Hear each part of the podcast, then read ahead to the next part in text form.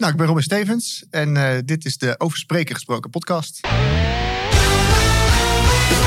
Je hebt de woorden, maar nog niet echt een verhaal. Ze moeten vloeien, maar hoe werkt dat allemaal? Je eerste hulp is hier, Glenn is jouw support. Luister naar Over Spreken Gesproken, zodat jij voortaan scoort. Hallo lieve luisteraar, welkom bij de nieuwe aflevering van de Over Spreken Gesproken podcast.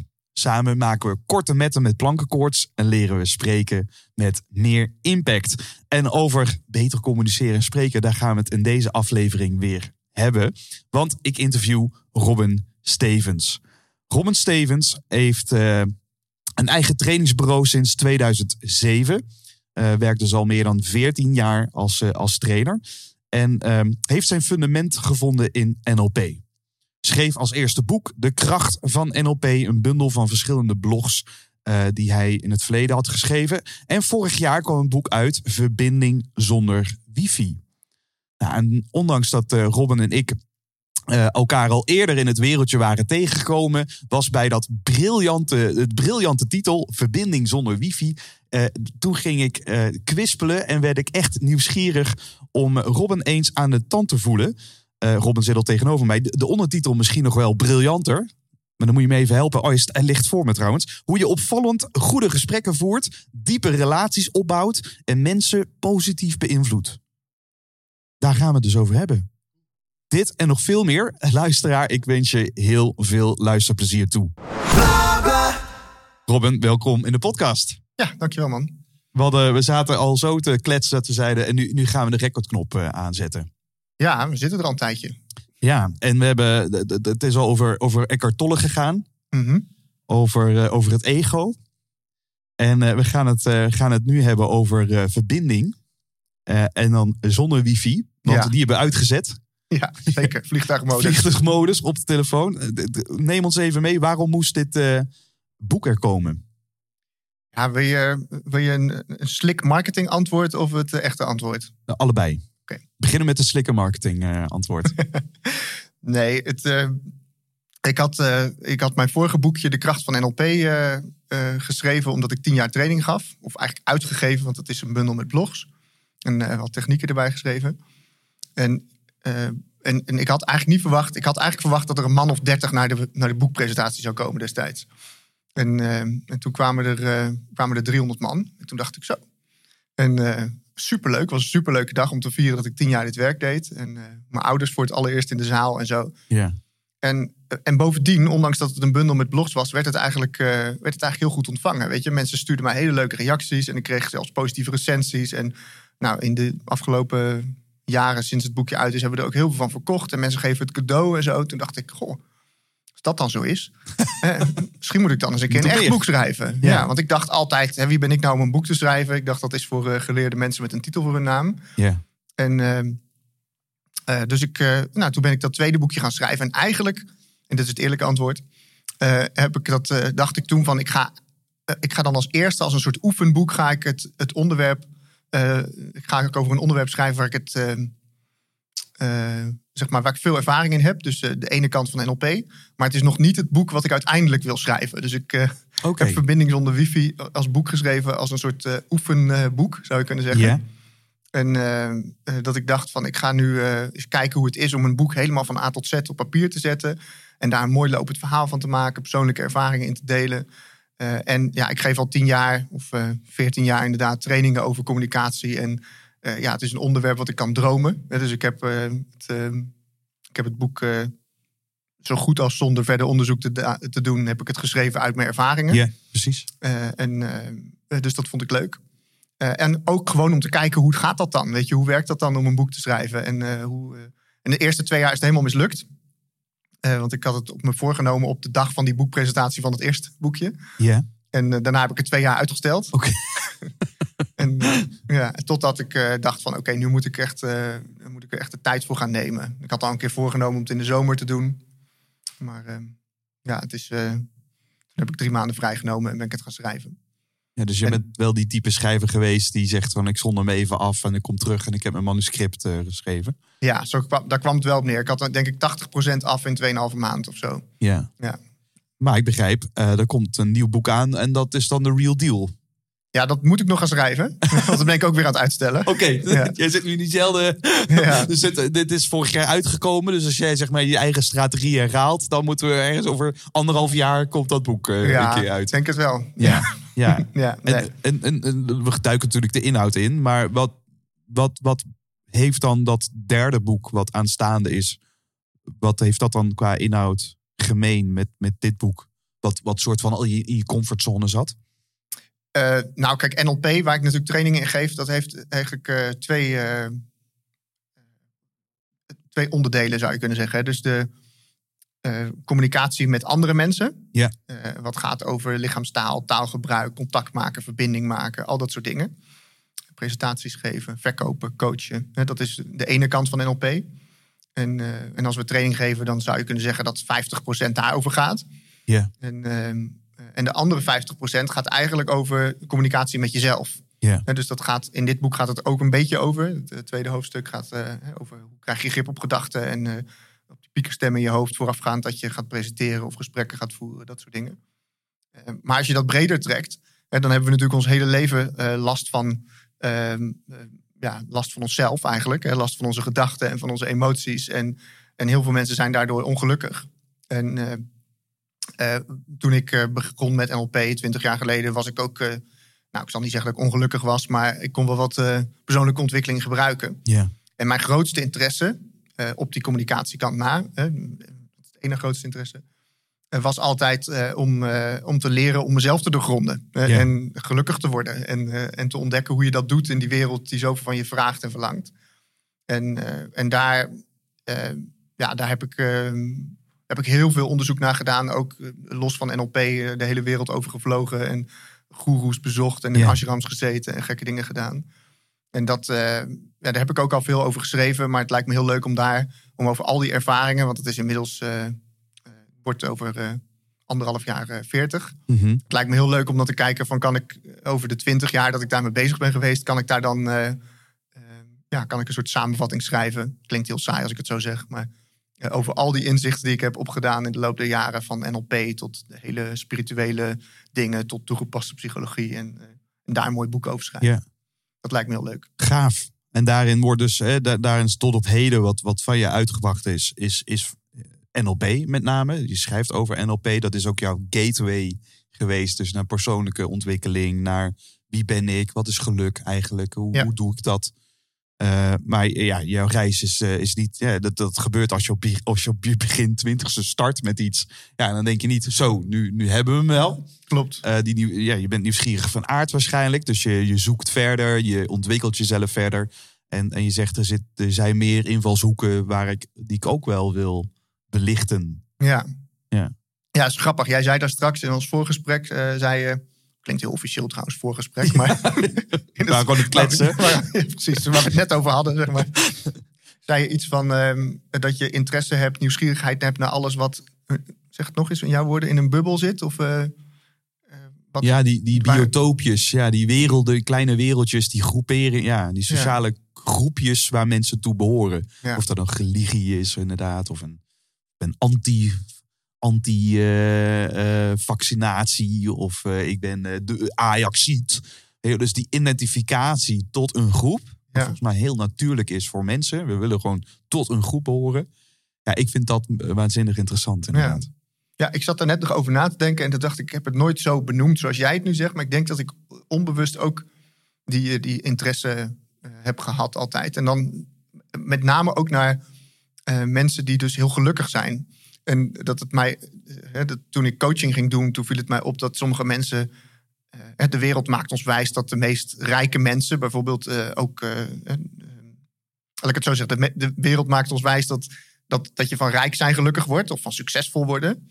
En als dat waar zou zijn, hè, dan zouden dus ook de rijkste mensen ook de gelukkigste zijn. En in mijn coachingspraktijk kwam ik al heel snel erachter dat hele rijke mensen ook heel ongelukkig kunnen zijn. Ja. Weet je, toen dacht ik, maar als je nou gaat kijken naar hoe wat NLP doet, hè, modellen maken van succes. En toen dacht ik, ik zie wel heel veel andere plekken waar mensen heel gelukkig zijn. Ja. Dus ik zie bijvoorbeeld inderdaad zo'n community van spirituele beoefenaars. En ik kijk dan naar die foto's en ik zie hoe mensen zich daar gedragen. En dan denk ik, jeetje, die zien er gelukkig uit. Die, zijn, die, die stralen en die hebben een soort lichtheid in hun ogen en zo. En denk ik, nou, daar voelde ik me heel nieuwsgierig naar. Ja. En elke keer dat ik dat soort dingen zag, op wat voor verschillende manieren dan ook, dan dacht ik, goh, hoe doet diegene dat? Ja. Ja, en dat kan ook gelden voor iemand die ehm, juist een echt super simpel leven heeft. Een vriend van me vertelde me pas dat hij had gesolliciteerd op een functie. Is best een slimme gast. En hij zei, eh, ik, ehm, eh, ik ben op zoek gegaan naar werk zonder uitdaging. en, Huh? en, en hij zat in die sollicitatie en die, die, die man die had ook door, hè, die jongen heeft wel niveau. En Ja. ehm, hij zegt, maar eh, ben je niet te slim hiervoor? Hè? Want het is niet echt werk met uitdaging. Zei hij, ja, maar dat wil ik ook niet. Hij zegt, ik wil gewoon lekker simpel werk. Weet je, ik wil gewoon lekker, ik wil geen stress. Ik wil gewoon vrijheid. Dat kreeg hij in die functie. En, eh, en dan wil ik me, mijn uitdaging zoek ik wel in mijn vrije tijd. Hm. En toen dacht ik, grappig. Weet je, kan je dus ook gelukkig Dat kan ook een ambitie zijn. Ja. ja. Ja, dat, dat soort... Het, het maakt dus niet. is, het is- je hebt het ex, uiterlijk externe succes. Mhm. Eh, en dat is natuurlijk, hè, ook daarin doen we natuurlijk mee. Weet je, je hebt een paar boeken geschreven. En dan eh, hier staat ook op de rechtsboven nummer 1 management, best verkochte managementboek. Ja, dus, dus dat zijn allemaal natuurlijk. Dat, en dat is ook niet erg, weet je wel, want het is toch voor de grote groepen. Zo scannen mensen. Mhm. Dus ja, je zou jezelf tekort doen om het niet op je rechter eh, bovenhoek te zetten. Klopt, ja. Denk ja. ik. Daarom zei ik van, wil je het gelikte marketingverhaal Ja, of wil je het echte En, en verhaal? ik denk dus dat het beide, beide kan bestaan. Klopt, ja. En dat je van de ene kant gun je gewoon een bedrijf. En dat bedrijf, dat, dat, dat de mensen zoeken. de, de- nu valt het volgens mij weer iets mee. Maar een aantal jaar geleden, joh. Je kon gewoon door de NLP-opleidingen het bos niet meer zien. Want het was gewoon echt ongekend. Hoeveel Ja. mensen wel niet NLP-trainingen gaven, toch? Is dat nog steeds een beetje zo in de hand? Ja, ik denk, voor mij is het natuurlijk heel moeilijk om dat eh, objectief te beantwoorden. Want eh, dankzij eh, de algoritmes zie ik alleen maar NLP online. Ja. Hè, dus, en, volgens mij is er enorm veel aanbod. Ja. Ja, Maar goed, dan heb je dus, hè, je hebt dus een bedrijf. Je moet daar op een of andere manier in opvallen. Ja. En je hebt gewoon je eigen leven. Dan gaat het over hoe heb ik gewoon hoe heb ik een leven met voldoening. Ja precies. Veel meer dan succes of, of ook het geluk nastreven. Er zitten natuurlijk heel veel valkuilen in. Klopt. En de dag dat ik een keer een buurthuis binnen kwam lopen, echt een buurthuis die van echt armoede uit, bijna uit elkaar viel. En, en, ik, en ik aan de muur een breiwerk zag. En er stond breiwerk van het jaar. En dan Annie of zo.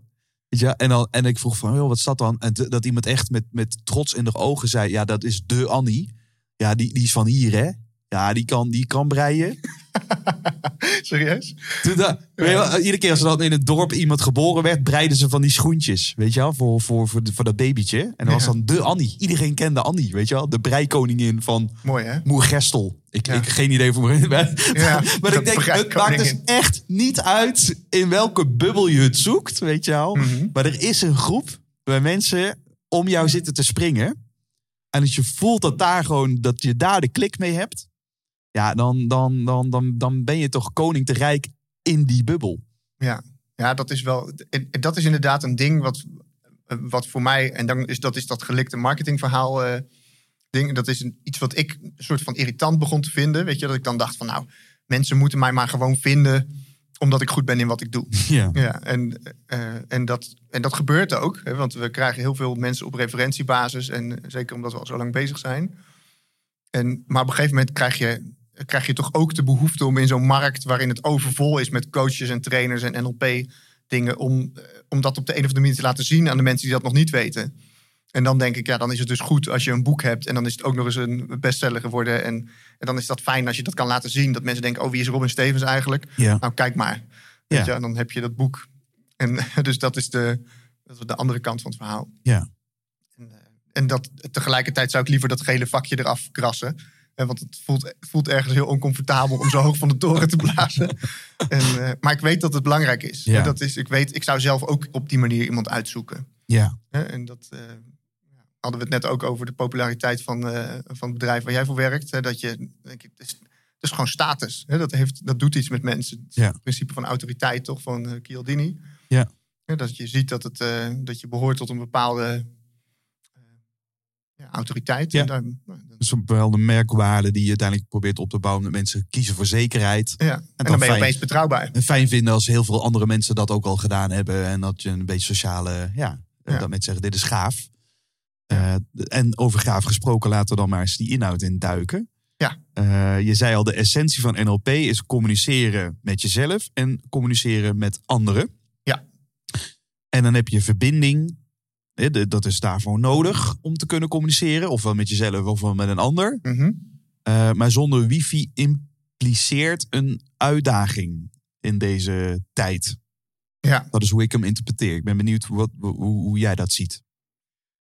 Ja, ehm, weet je, ik vond als ik, als ik toen ik een titel moest bedenken eh, voor het boek en dacht van het gaat, het gaat over verbinding, dacht ik dat is voor, waar het voor mij allemaal over gaat. Ik vind dat superleuk. Ik vind het heel leuk om eh, verbinding te hebben met mensen in, eh, in de zaaltjes, eh, maar ook met vriendschappen en relaties. En ik, ik was toen ik single was echt denk ik de meest enthousiaste dater ooit. Ik vond het heerlijk. Weet je? En niet om de redenen die misschien duidelijk, overduidelijk zouden zijn, maar ik vond het gewoon heel leuk om al die mensen te ontmoeten. Ja, je vond de Ja. ontmoeting misschien wel leuker dan het succes wat eruit Ja, voort zou Klopt, komen. ja. Soms voel ik mezelf teleurgesteld daarna. Want dan wist ik van nu moeten we of uit elkaar of verder. En, Ja. ja.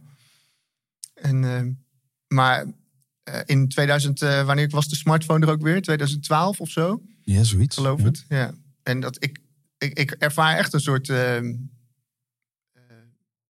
voor- en na gevoel of Mhm. zo. Hè, Dat, het- het ging geleidelijk aan. Maar als ik dan terugkijk, dan denk ik dat ik vroeger veel meer verbinding had met de mensen om me heen dan nu. Mhm. Terwijl ik nu eigenlijk dankzij de connectie die te maken valt met overal ter wereld inchecken bij elkaar, zou je denken dat je veel meer verbinding hebt met elkaar. Ja. Maar dat, je dan, dat ik op een gegeven moment op Bali was, in mijn eentje aan het rondreizen, en dat ik dan in een hotelkamer lag. En dat het eerste wat ik deed was de, was de wifi-code vragen. Weet je wel? En, eh, en dan inchecken bij mijn vrienden thuis. In plaats van eh, een praatje maken met die leuke backpack-chick in de kamer naast me. Ja. En dat ik denk, eh, dat is zo, zo. En dan ben ik er nog super bewust van. Eh, en dan Maar jij ik, trapt er ook in. ja, en, Ja. Dat, en dan denk ik dus op een gegeven moment, oké, laat mijn telefoon in mijn kamer. Weet je wel, ga gewoon mensen ontmoeten. En, dat, eh, en, en al die skills die ik eh, aan andere mensen sta te leren, kan ik daar natuurlijk supergoed in gebruiken. En, eh, en dan ervaar ik ook dat het echt werkt. Weet je, dat als je gewoon een praatje maakt met mensen, dat iedereen dat super fijn vindt. Dat je iemand in de ogen kijken, eh, nu niet meer helemaal eh, normaal, maar iemand aanraken, weet je, knuffel geven, hand geven, dat soort dingen. Ja. En, en dan dus echt verbinding maken zonder wifi. Ja. Eh, en, eh, en dan ervaar je dus dat je met iemand aan de andere kant van de wereld, tijdens diezelfde eh backpackreis in mijn eentje in, op Bali, dat je gewoon ehm, twee meiden ontmoet op het terras en dat je leuk met elkaar praat. De volgende dag samen gaat mountainbiken. En een dag later lagen we met z'n drieën, niet wat je denkt, in een hotelkamer, omdat er nog één plek met drie bedden beschikbaar was. Oké. Weet je, en dan is het, en heb je echt verbinding. Weet je, en achteraf gezien denk je, wauw, wat een gave ervaring. En dan had je nog zoveel foto's kunnen WhatsAppen naar je vrienden thuis, maar je had nooit die echte verbinding kunnen vervangen. Ja. Natuurlijk heb je nog liever je vrienden van thuis mee. Hè, dat heeft ook iets. Maar ja, ik vind dat wel. ehm, ik vind dat wel. eh, ik, ik denk, ja, wij zijn. Hoe oud ben jij? Ik ben 31. Nou ja, ja, ik denk de kinderen van nu, zeg maar 17, 18, die gewoon niet meer leren om verbinding te maken. Ja. Eh, daar, eh, ik vind dat, ik weet niet of jij dat ook doet, maar dat is een beroepsdeformatie. Maar dan loop ik door het park en dan zeg ik mensen gedag. En dan eh, zeg ik het tegen oudere mensen, dan zeggen ze gedag, kijken ze je aan. Maar zeg je tegen jongens van 17, eh, dan kijken ze ondertussen naar hun smartphone. Omdat ze gewoon geen flauw idee hebben hoe ze überhaupt goedemiddag moeten zeggen. Ja. Dan denk ik, hè, we- het is echt een soort van. wij kunnen het nog allebei, denk ik. Als je 31 bent, denk ik ook nog net. Toch? Wij kunnen en verbinding maken online en eh, offline. Mhm. Eh, maar heel veel kinderen van nu leren het überhaupt niet meer. Dus misschien had ik dat boek eigenlijk voor hun moeten schrijven. Ja. Eh, geen idee of ze het zouden lezen, want het is van papier. Ja, ja, dit is al totaal Ja. old-fashioned voor. Had je TikTok-filmpjes moeten maken. Ja, echt, als je indruk had moeten maken. Ja, het is dus, eh, maar ik geloof wel dat ondanks dat, eh, dat de luisteraar, ik zie de gemiddelde leeftijd van de luisteraar zit doorgaans ook zo tussen de 35 en eh, de 55 Mhm. ongeveer. Dus een beetje de, de, de gemiddelde range, wat, wat een hele brede range is, ik me nu. Maar eh, Spotify-statistieken laten dat doorgaans zien. Nou ja, Ehm, maar ja, we zijn allemaal opgegroeid mm, met de analoge tijd dat we nog snappen het verschil tussen cassetteband of eh, de, eh, wat je met een, met een potlood en een cassettebandje kunt doen. Dus, de- de- waar, dat, waar dat nut voor dient. Dat is Ja. een nieuwe generatie, geen idee, weet je wel. Want we, hebben toch al toegang tot alle muziek. Dus waar de fuck zou je überhaupt een cassettebandje. cassettebandje Ja. moeten kopen? Ehm, ik ben ook opgegroeid met MSN. En ik realiseer me ook dat toen ik in mijn tiende jaren zat. Dat ik al gewoon aan het sms'en was. En dat we toen vanuit daar de hopeloze afkortingen kwamen. Want dan kon je gewoon meer tekst in één sms'je kwijt. Want anders kostte twee sms'jes. Weet Ja. dat is Klopt, karig. ja. 160 tekens. Ja, 160 Ja. tekens. Eh, de, de- de- de- Twitter dacht, mooi, dat gaan we online ook doen. eh, die, eh, die eh, zoveel tekens. Eh, Facebook, eh, of Hives. Volgens mij, eh, ken je nog met met krabbels uitdelen? Oh ja. Krabbels uitdelen, kent u die tijd nog? Met HTML-codes kon je kleurtjes instellen en zo. Nou, waanzin. Maar, maar dus die transitie van de plek waar we nu zijn, namelijk een, een digitale wereld, eh, lijkt een soort paradox. Hè? Dus het is, het, is niet, het is veel gemakkelijker geworden om nu in contact te treden met mensen die ik 30 jaar geleden een keer heb ontmoet. Mhm. Heel jong, maar, maar bij wijze van spreken kan ik nu zoeken op de Facebook van mijn moeder. En dan zie ik, zie ik de oppas vrouw die vroeger nog mij heeft op, op mij heeft opgepast. Daar Ja. kan ik dus nu, binnen een kwartier ben ik daar. Dus het is veel gemakkelijker om contact te maken met iemand. En tegelijkertijd is het hopeloos ingewikkelder om een echte verbinding te hebben met Mhm. mensen. Ja. Hoe, hoe, hoe zou jij verbinding definiëren dan? Nou, in de context van waar we het nu over hebben. Verbinding is voor mij een gevoel wat, eh, wat ontstaat als, eh, als alle andere dingen wegvallen in een contact. Dus als, eh, als onzekerheid wegvalt, eh, als spanning wegvalt, als eh, schaamte wegvalt. En als je, als je helemaal, als je je helemaal ontspannen voelt, helemaal jezelf voelt, als dat überhaupt een woord is. Maar dat je, dat je. Ik denk dat je. Vroeger kon ik verbinding ervaren als ik met, met vrienden op een housefeest stond. Weet je, en dan eh, met, met een arm om elkaar heen. Weet je, en dan naar de DJ kijkend en meeschreeuwend met een of ander nummer. Of zo, weet je, dan was al het andere was weggevallen en Ja. dan was er verbinding. Ja, En, eh, en, eh, en tegenwoordig in, in van die retraites en weet je, communities en meditatie en zo, dan kan ik ook er- verbinding ervaren met mensen zonder woorden, zonder inhoud, zonder. ja, dat is voor mij echt verbinding. Hm. En dan heb je, ik heb mijn vriendin bijvoorbeeld leren kennen in een stilte retraite. En de eerste, er was een voorstelrondje. Uh-huh. En dat is het enige wat we gesproken hadden aan het begin. Vijftien vrouwen en ik. Jij was En, de eh, enige man? Ja. Oké. Eh, dat zegt ook wel iets, denk ik, over hoezeer vrouwen makkelijker verbinding maken met zichzelf dan, eh, dan mannen. Maar in ieder geval er meer interesse in hebben vaak. Behalve mijn doelgroep en jouw doelgroep waarschijnlijk. En dat zijn vaak mannen die er al bewust van zijn. Mhm. Maar wij hebben de eerste vijf dagen van dat we elkaar kenden, hebben we geen woord met elkaar gesproken. En toch voelden we ons enorm verbonden. Hmm. Weet je? En ik had geen flauw idee wie zij was. En ze had geen flauw idee wie ik was. Behalve eh, van ik ben Robin Stevens en eh, kom daar en daar vandaan of zo. Eh, en, ehm, en we voelden meteen een enorme verbinding. Weet je? En dat, we liepen naast elkaar en we keken elkaar af en toe aan. En we zaten naast elkaar. En ik weet nog dat er waren puppies op een pleintje. En we gingen samen met de puppies spelen. En allemaal zonder woorden. Weet je? Ja. En toch was er verbinding. En eh, later, ik heb haar stiekem haar telefoonnummer van een lijst afgepikt. Deelnemerslijst. Turn op, man. Echt hè? En toen belde ik haar op. Dat was het eerste wat we zeiden. En, Dat was de eerste keer dat je elkaar stem hoort. ja, nou in ieder geval. Ja, En je denkt, ja, ja, ja, hallo met Robin. Ja, hallo, hallo. Ik zeg van, kan er meer in brommers kijken? ja zoiets. Ja. Zou het zijn. Ja. Nou, dat, en, en, dat, en dan pas komen de verhalen. Weet je? En dat, het grappige is, zij heeft een totaal andere achtergrond dan ik.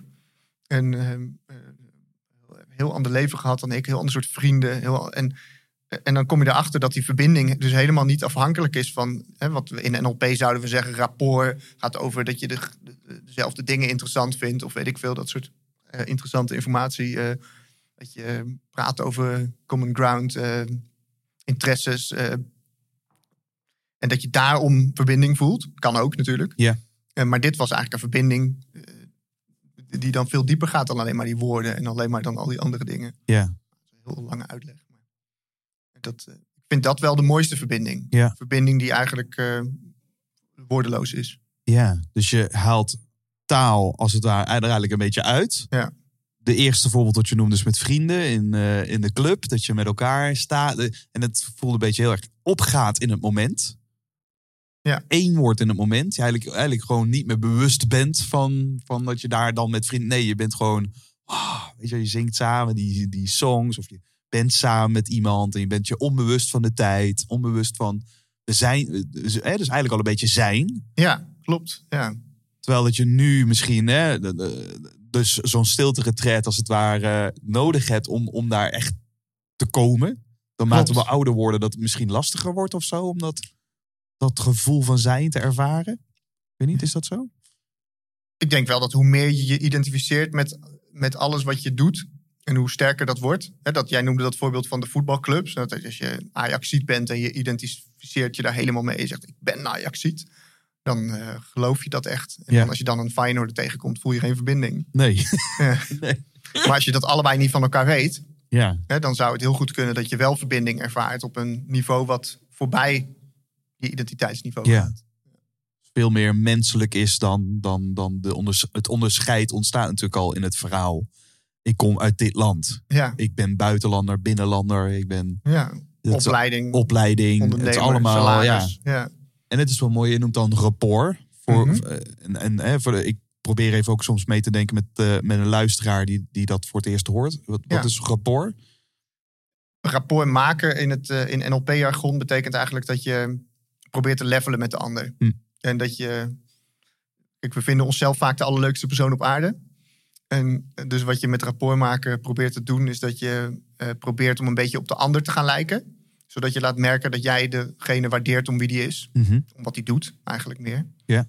En, eh, en dat kan je heel simpel doen door lichaamstaal te matchen. Als iemand zit, ga je ook zitten. Als iemand glimlacht, ga je ook glimlachen. En je kan dezelfde woorden gaan gebruiken. Je kan je stem aanpassen. Je hoort het ook, hè? mensen die bij elkaar in een provincie wonen, die nemen hetzelfde accent aan. En Ja. Ze zijn niet zo geboren, maar ze gaan praten zoals de ander praat. Dat is eigenlijk rapport. Ja. En je voelt dan ook dat als een, een Fries en een Amsterdammer naast elkaar gaan zitten, eh, dat ze niet van nature rapport met elkaar hebben. En, eh, maar ze zouden dus een beetje meer op elkaar kunnen gaan lijken en dan rapport kunnen krijgen. Ja. En dan, eh, ja, dan lijken ze wat op elkaar. Ja. Ja, dat is rapport maken. Rapport is afstemmen op elkaar. Is, eh, is dus, en dan afstemmen is dus niet wachten en zeggen, nou eh, kom maar mijn kant op. Nee, maar juist daar heel bewust eh, afstemmen op de ander. Dat doe je zelf proactief. Omdat daarmee de verbinding dus groeit. En de likability daarmee toeneemt. De bereidwilligheid groeit. Invloed daarmee ook. Ja. Maar dan zou je dus eigenlijk kunnen zeggen... op woorden heb je weinig afgestemd. Maar misschien non-verbaal des te meer. Want je zei net, we zaten naast elkaar. Tijdens Mhm. stilteretretten. We maakten oogcontact. Ja. Allebei, we, we speelden samen met die puppies.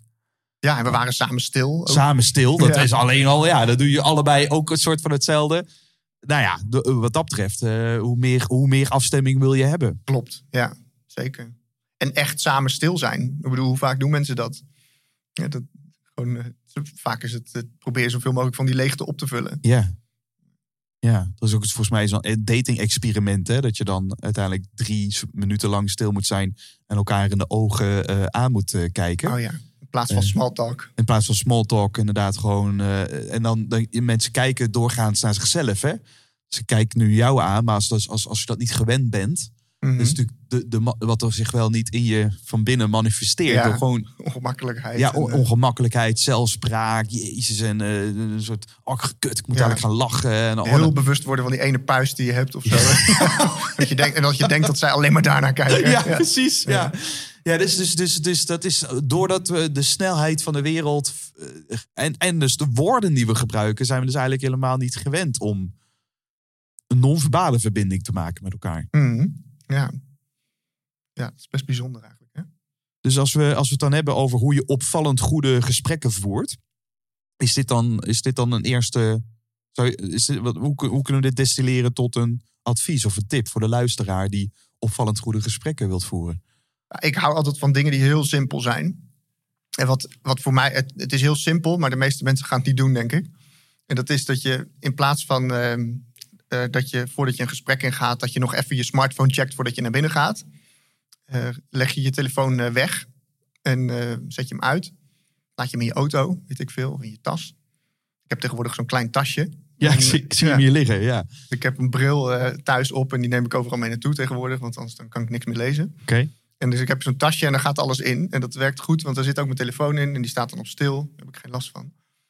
Maar goed, voordat je een gesprek in gaat, je gaat... eh, je, je, je legt je telefoon weg. Dat is, al, al doe je alleen dat, dat is al winst. ja. En dan ga je gewoon zitten en je doet even je ogen dicht. En al is het maar 10 seconden, je voelt gewoon heel even eh, je lijf van binnen. En misschien kunnen we het gewoon heel even doen nu. Ja. Heel lang tijdens de... Als je luisteraar, als je, mits dat je geen- niet in de auto zit nu.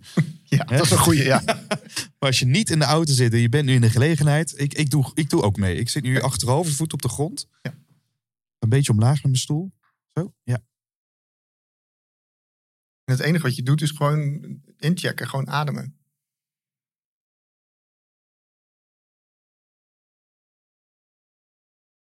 Gewoon je lijf voelen van binnen. Je aandacht even scannen, hoe voelt het van binnen? Hoe zit ik erbij? Ademhaling oppervlakkig is, adem, adem je een keertje dieper in.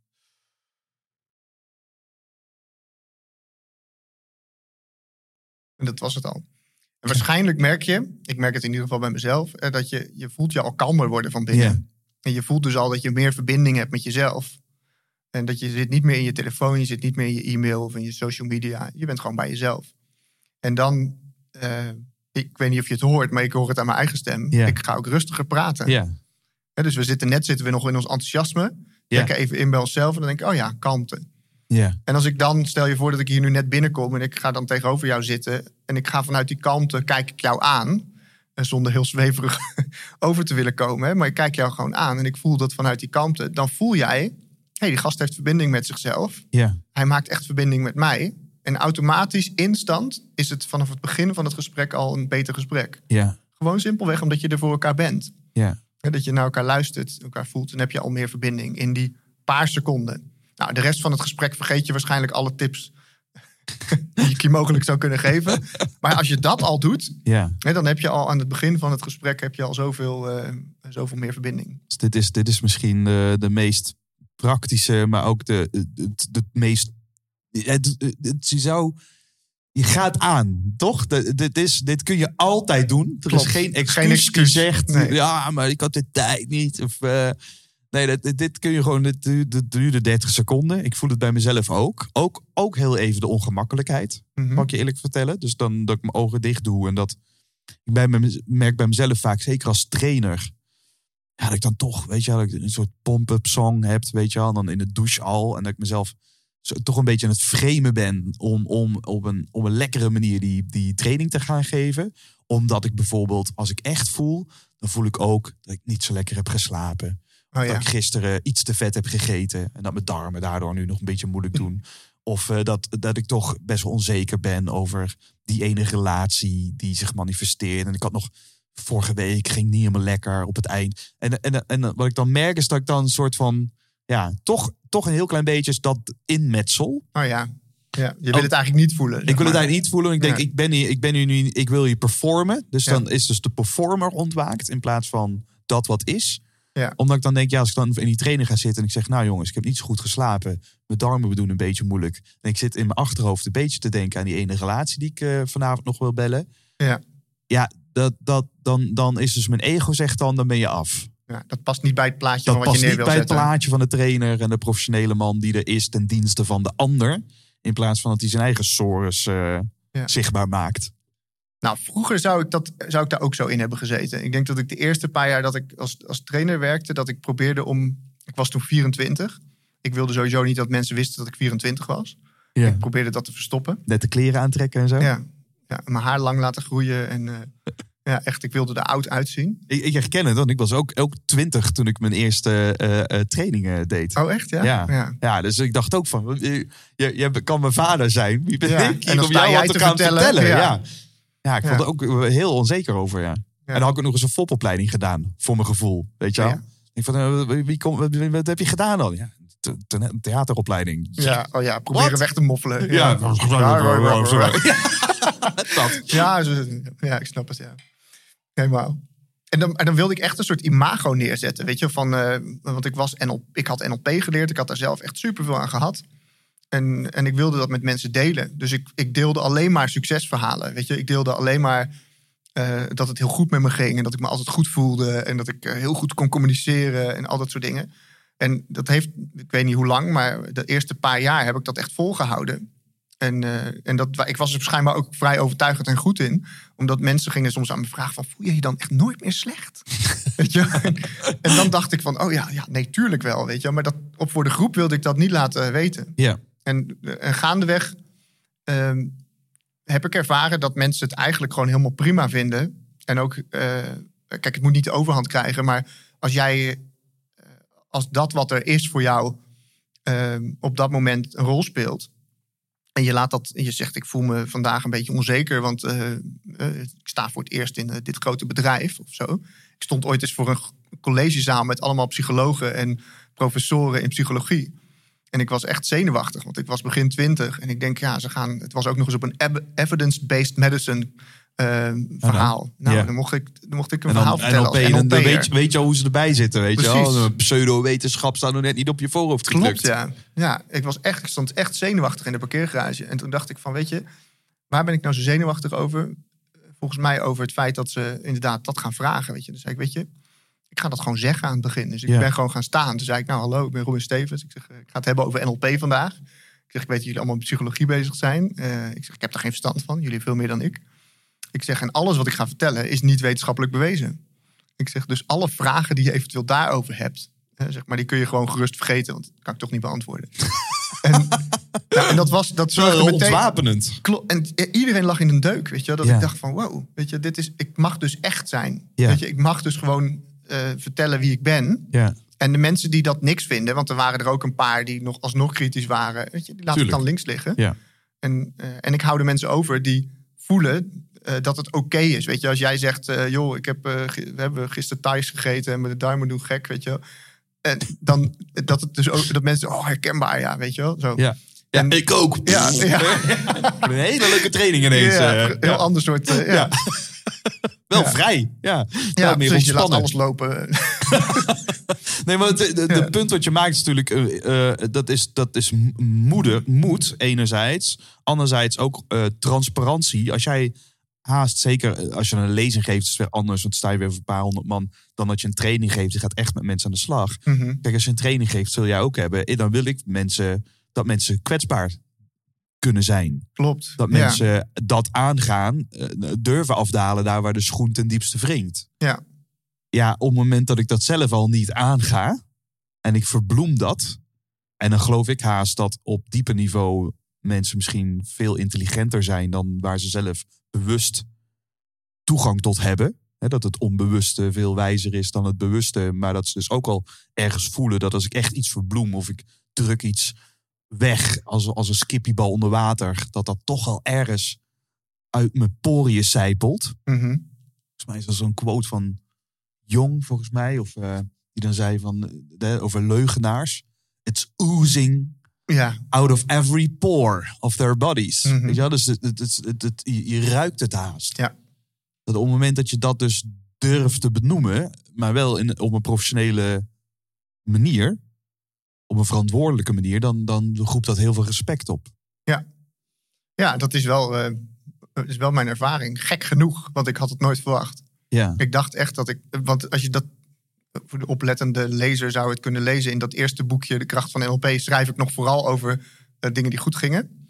en uh, in het tweede boek heb ik al veel meer van de eigen onzekerheden en dingen en zo benoemd, omdat ik denk, dat is, het, is zo echt. Weet je, ik heb zelf zoveel van die dingen meegemaakt. Waarom zou ik dan doen alsof dat niet zo is? Ja. En ik merk dat mensen dat heel fijn vinden. Dat ze dan denken, oh, hey, weet je, het is gewoon een mens. Ja, gewoon precies, net als ik. Net als ik. En dan weer rapport. Ja. Ja, ja precies. Ja, inderdaad. Ja, dat is waar. Ja, ja. ja dat is toch rapport. Wat is, uh, als we dus verbinden, we zijn verbindingen het destilleren. En Mhm. in je boek heb je het ook over het verschil tussen gevoel en emoties.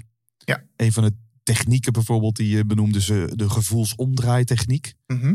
Uh, maar, maar misschien weer even, hè, niet dat het per se over die techniek moet, moet gaan, maar even, hè, dus, dus wat, wat houdt ons tegen om als het ware die verbinding te maken? Nou, dat is eh, in de eerste instantie de hoeveelheid prikkels die we tot ons nemen. Mhm.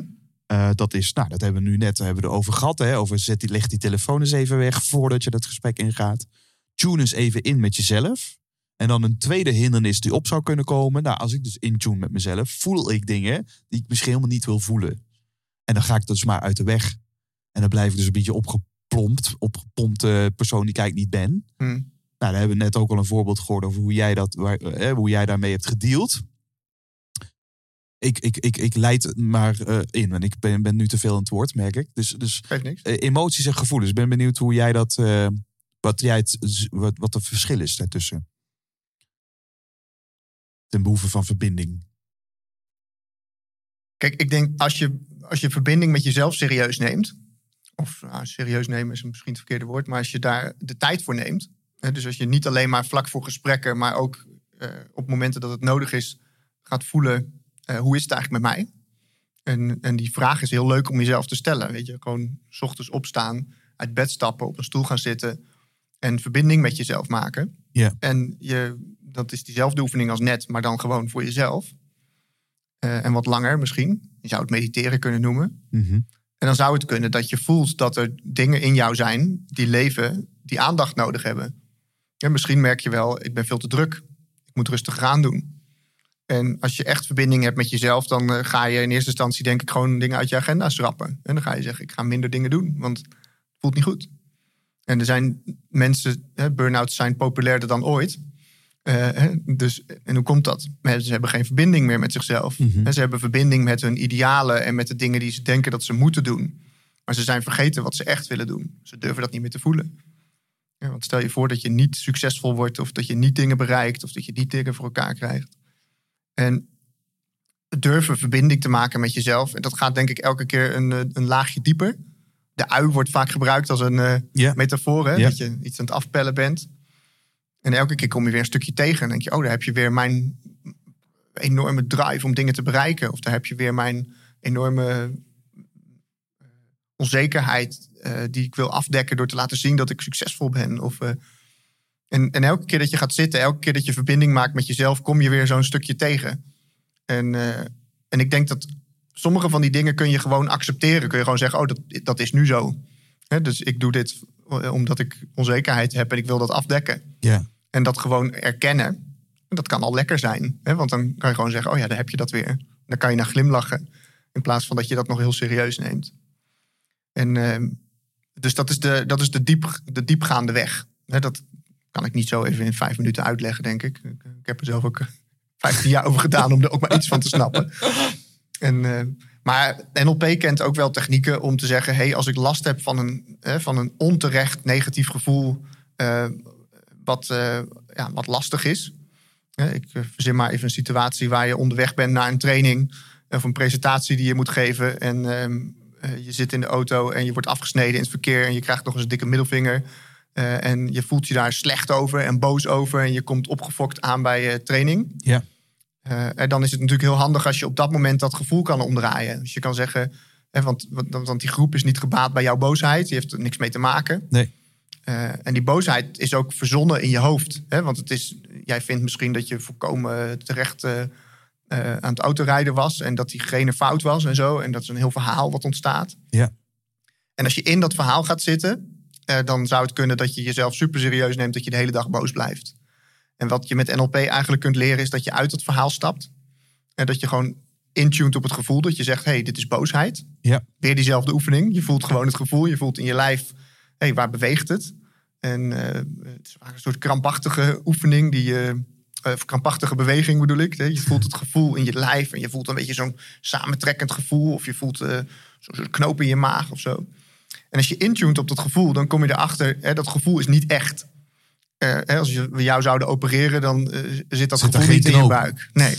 Nee. Dus het is een projectie van je brein. En als je er met je aandacht naartoe gaat, dan kan je simpelweg de beweging van het gevoel veranderen.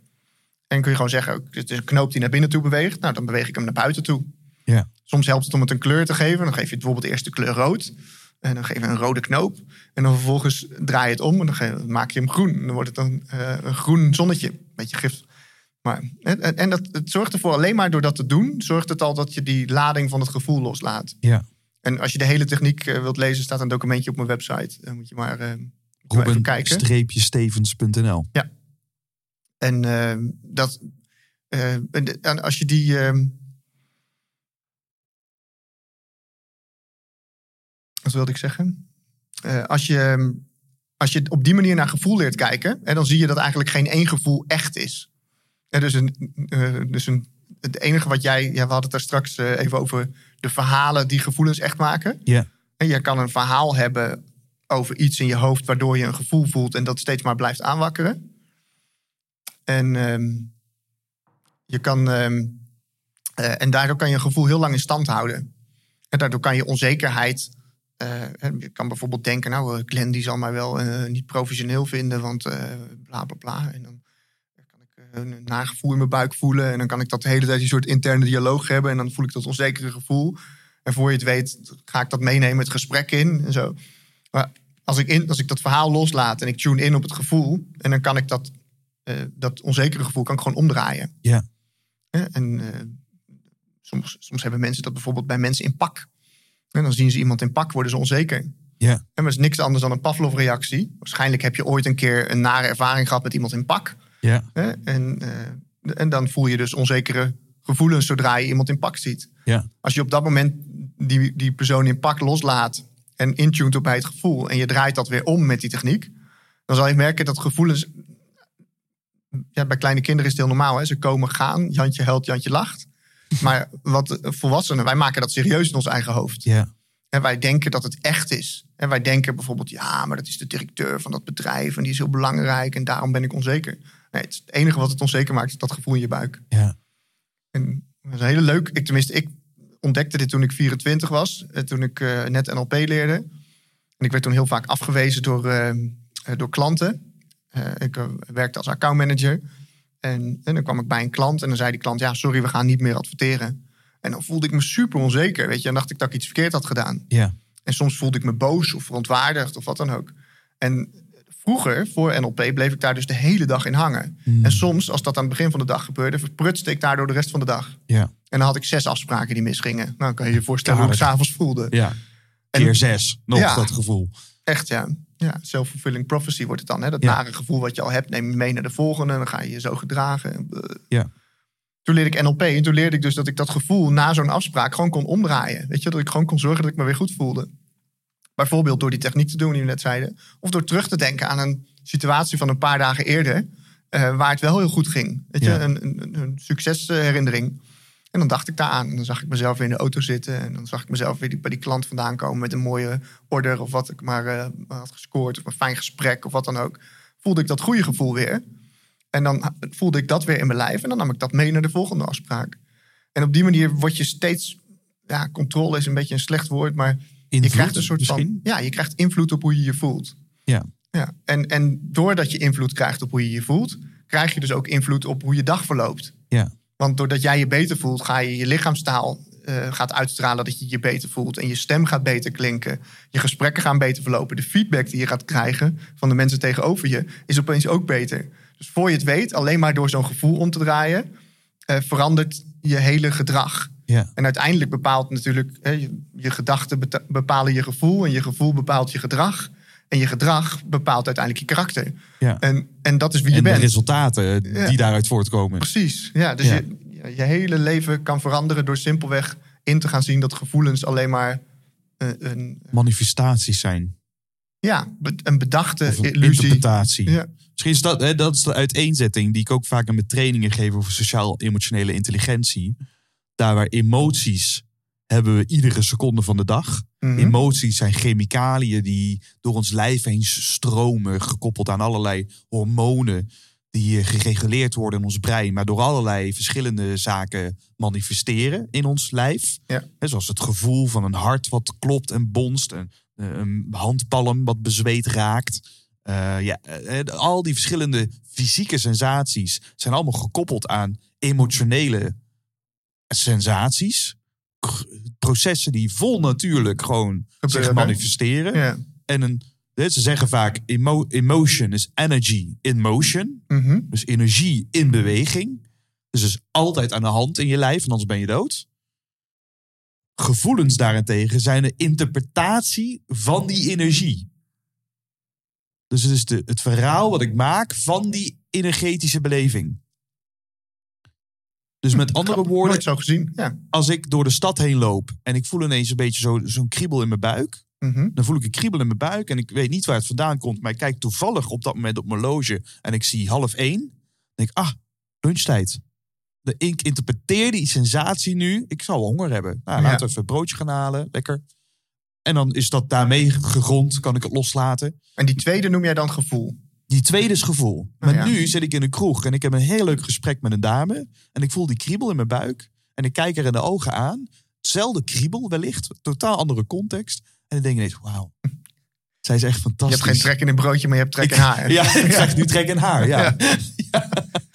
Zelfde kriebel. Maar zo, zo, zo, zo kan er volgens mij ook. zo- dus de interpretatie. Zo, kunnen zelfs mensen met foto's.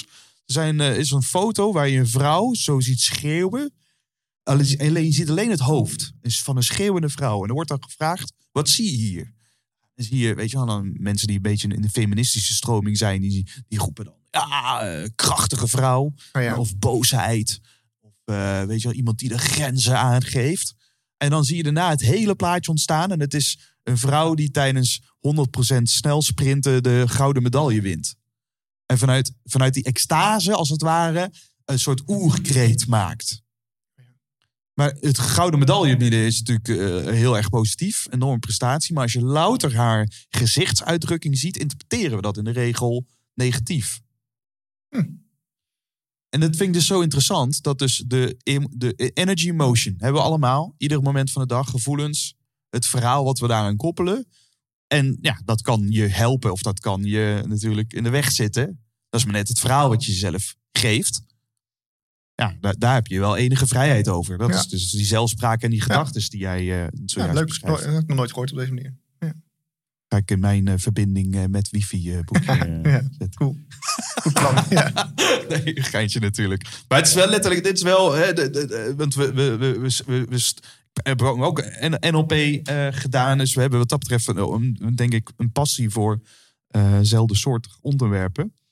Waarin jij ehm, het ook hebt over, over bewustig communiceren. Dat dat, dat, dat een belangrijk, eh, belangrijk is. Daar waar ik natuurlijk nu bewust kan zijn van mijn eigen gevoelens. Dat is fijn. Maar die andere persoon aan de andere kant van de tafel heeft dat ook. Al die sensaties. Die komt misschien ook uit de auto. Met, met een beetje Thais wat dwars zit. Ja, ja. Maar, die, maar ik interpreteer dat weer. Alsof het over jou gaat. Ja, dat het over mij Ja, gaat. dat Ik, is ja, ik vind een lul. Ja. Terwijl hij zit gewoon... eh, hij Ja, zit ja. gewoon, hij moet gewoon. Ja. En gast, hoe lang duurt het gesprek nog? Ja, hij vindt het niet interessant of hij eh, vindt het... Ja. Dus hoe kunnen we dan de beweging maken? Dus we zijn ons nu iets bewuster geworden van onszelf. We hebben iets meer verbinding met onszelf gemaakt. Daarmee stelden we onszelf in staat om die verbinding met die ander aan te gaan. Mhm. Maar hoe doen we dat nu? Hoe worden we ons bewuster van wat er zich aan de andere kant manifesteert? Ja, het, eh, hoe simpel het ook is. Maar ik denk gewoon opletten. en, en dat ik weet je doppen kijken. Ja, Ja? ik weet niet hoe jij dat ervaart, maar toen ik eh, zeg maar 14 jaar geleden training stond te geven voor een groepje mensen. En toen, ehm, eh, toen moest ik allemaal ingewikkelde dingen uitleggen over lichaamstaal. Om mensen iets bij te leren. En eh, tegenwoordig, als ik bij bedrijventraining kom geven, is het ergste. Dan, dan moet ik mensen gewoon vertellen dat ze op moeten letten. Dus dat ze simpelweg, ze moeten hun telefoon wegleggen, daar hadden we het al over gehad. Eh, maar dan vervolgens, wat ga je dan doen? Dan ga je gewoon kijken. En dan ga je, dan gaat gewoon naar de ander kijken. Hè? En dat, dit is wel grappig. Wij zitten nu met elkaar aan een tafel eh, tegenover elkaar. Er zit een tafel tussen, dus ik kan jou niet helemaal zien. Nee. En het is, mensen doen dit in zakelijke gesprekken 80% van de tijd, denk ik. Soms ook in trainingen zitten ze achter een tafel. Als je bij mij een training komt volgen, of als ik ergens een training komt volgen, ik sleep altijd tafels de zaal uit Ja. omdat ik mensen helemaal wil zien. Weet je, en dat is misschien eh, mensen, want dan zie ik ook ongemakkelijkheid. Of Ja. ik zie eh, eh, onrust, of ik zie eh, frustratie of eh, verveeldheid. Want misschien als iemand bijvoorbeeld de hele tijd met zijn voet zit te tikken, en dat zou ik onder de tafel niet zien. Nou, dat zie ik wel als die recht tegenover me zit. Ja. En dat soort kleine, simpele dingen. Weet je, gewoon ga eens gewoon echt tegenover iemand zitten. En kijk iemand eens echt aan. En, en luister eens heel bewust naar hoe iemand woorden uitspreekt. De grondlegger van NLP, Richard Bentler, die vertelde mij ooit eh, dat hij in de eerste drie, vier seconden vaak de oplossing hoort voor het, eh, voor het probleem wat iemand heeft. Om gewoon simpelweg door te kijken en te luisteren. En ze- de manier waarop mensen dingen uitspreken. Hè, dus ehm, eh, als ik tegen jou zeg. ehm, eh, ja, er zat pas geleden een meisje bij mij in de training. Dan, dan geef ik informatie over wat voor soort meisje dat was. Weet je, als ik zeg. er zat pas geleden een meisje bij mij in de training. Weet je, dan, ik, heb jou nu iets verteld, toch? Over de emotie die daarachter Ja, zit. je zit twee, twee verschillende eh, manieren, dus twee verschillende interpretaties van Ja. dezelfde taal. Ja, en dus als jij dan zegt, omdat je dat hoort, het, simpelweg, je hoort mij dat meisje op een bepaalde manier uitspreken. En jij zegt, oh, vertel eens, was dat voor meisje? Ja. En dan, dan luister je beter. Hè? Terwijl de meeste mensen zouden eraan voorbij gaan. De meeste mensen, en ik merkte dat toen ik net coaching begon te geven, het is heel verleidelijk om naar de inhoud te gaan luisteren van een verhaal van iemand. Maar het is veel interessanter om te gaan luisteren naar de manier waarop mensen erover vertellen. Ja. Ik heb mensen gehoord die eh, traumatische dingen hadden meegemaakt. Als je de boekjes erop zou naslaan. Maar die erover vertelden alsof het niks was. En dan dacht ik, ik denk niet dat jij hier nog een trauma over hebt. Nee. Weet je, want je vertelt hier gewoon heel relaxed over. Ik voel geen emotie. En ik heb mensen meegemaakt die 's ochtends in de rij waren afgesnauwd door de cashier. Die erover vertelden alsof ze een traumatische gebeurtenis hadden meegemaakt. Weet je, en dan denk ik, volgens mij zit hier een soort traumaatje. Weet je, wat, wat gebeurt er hier? Weet je, heb je dat vaker? Ja. Hè, wat, hoe voelt dat voor je op het moment dat dat En gebeurt? mensen zijn, hebben Ja. fobieën voor totaal irrationele zaken. Weet je wel? Een fobie Precies. voor een snelweg of een brug of een, of een spinnetje. Ja. Van zo groot. Precies, ja. En de manier waarop mensen dat uitspreken. Ja, dus dat ze dan zeggen, ja, dan moet ik de t- t- t- t- tunnel door. Weet je, dan, nou, dan weet je dat er iets met die tunnel is. Ja. En nou ja, Dus de, de beweging die je nu in ieder geval maakt in gesprekken, waarin mensen dus ook meer diepe relaties opbouwen, mensen positief beïnvloeden, gaan we het nog over hebben. Maar we zitten nog, hè, hoe, hoe betere gesprekken voeren met Mhm. elkaar, is dat je stopt met, met alleen maar op de inhoud communiceren, wat, wat de norm is. Maar Ja. dat je veel meer gaat kijken wat er gebeurt. Klopt. Dat je veel meer Ja. luistert met je ogen. Ja.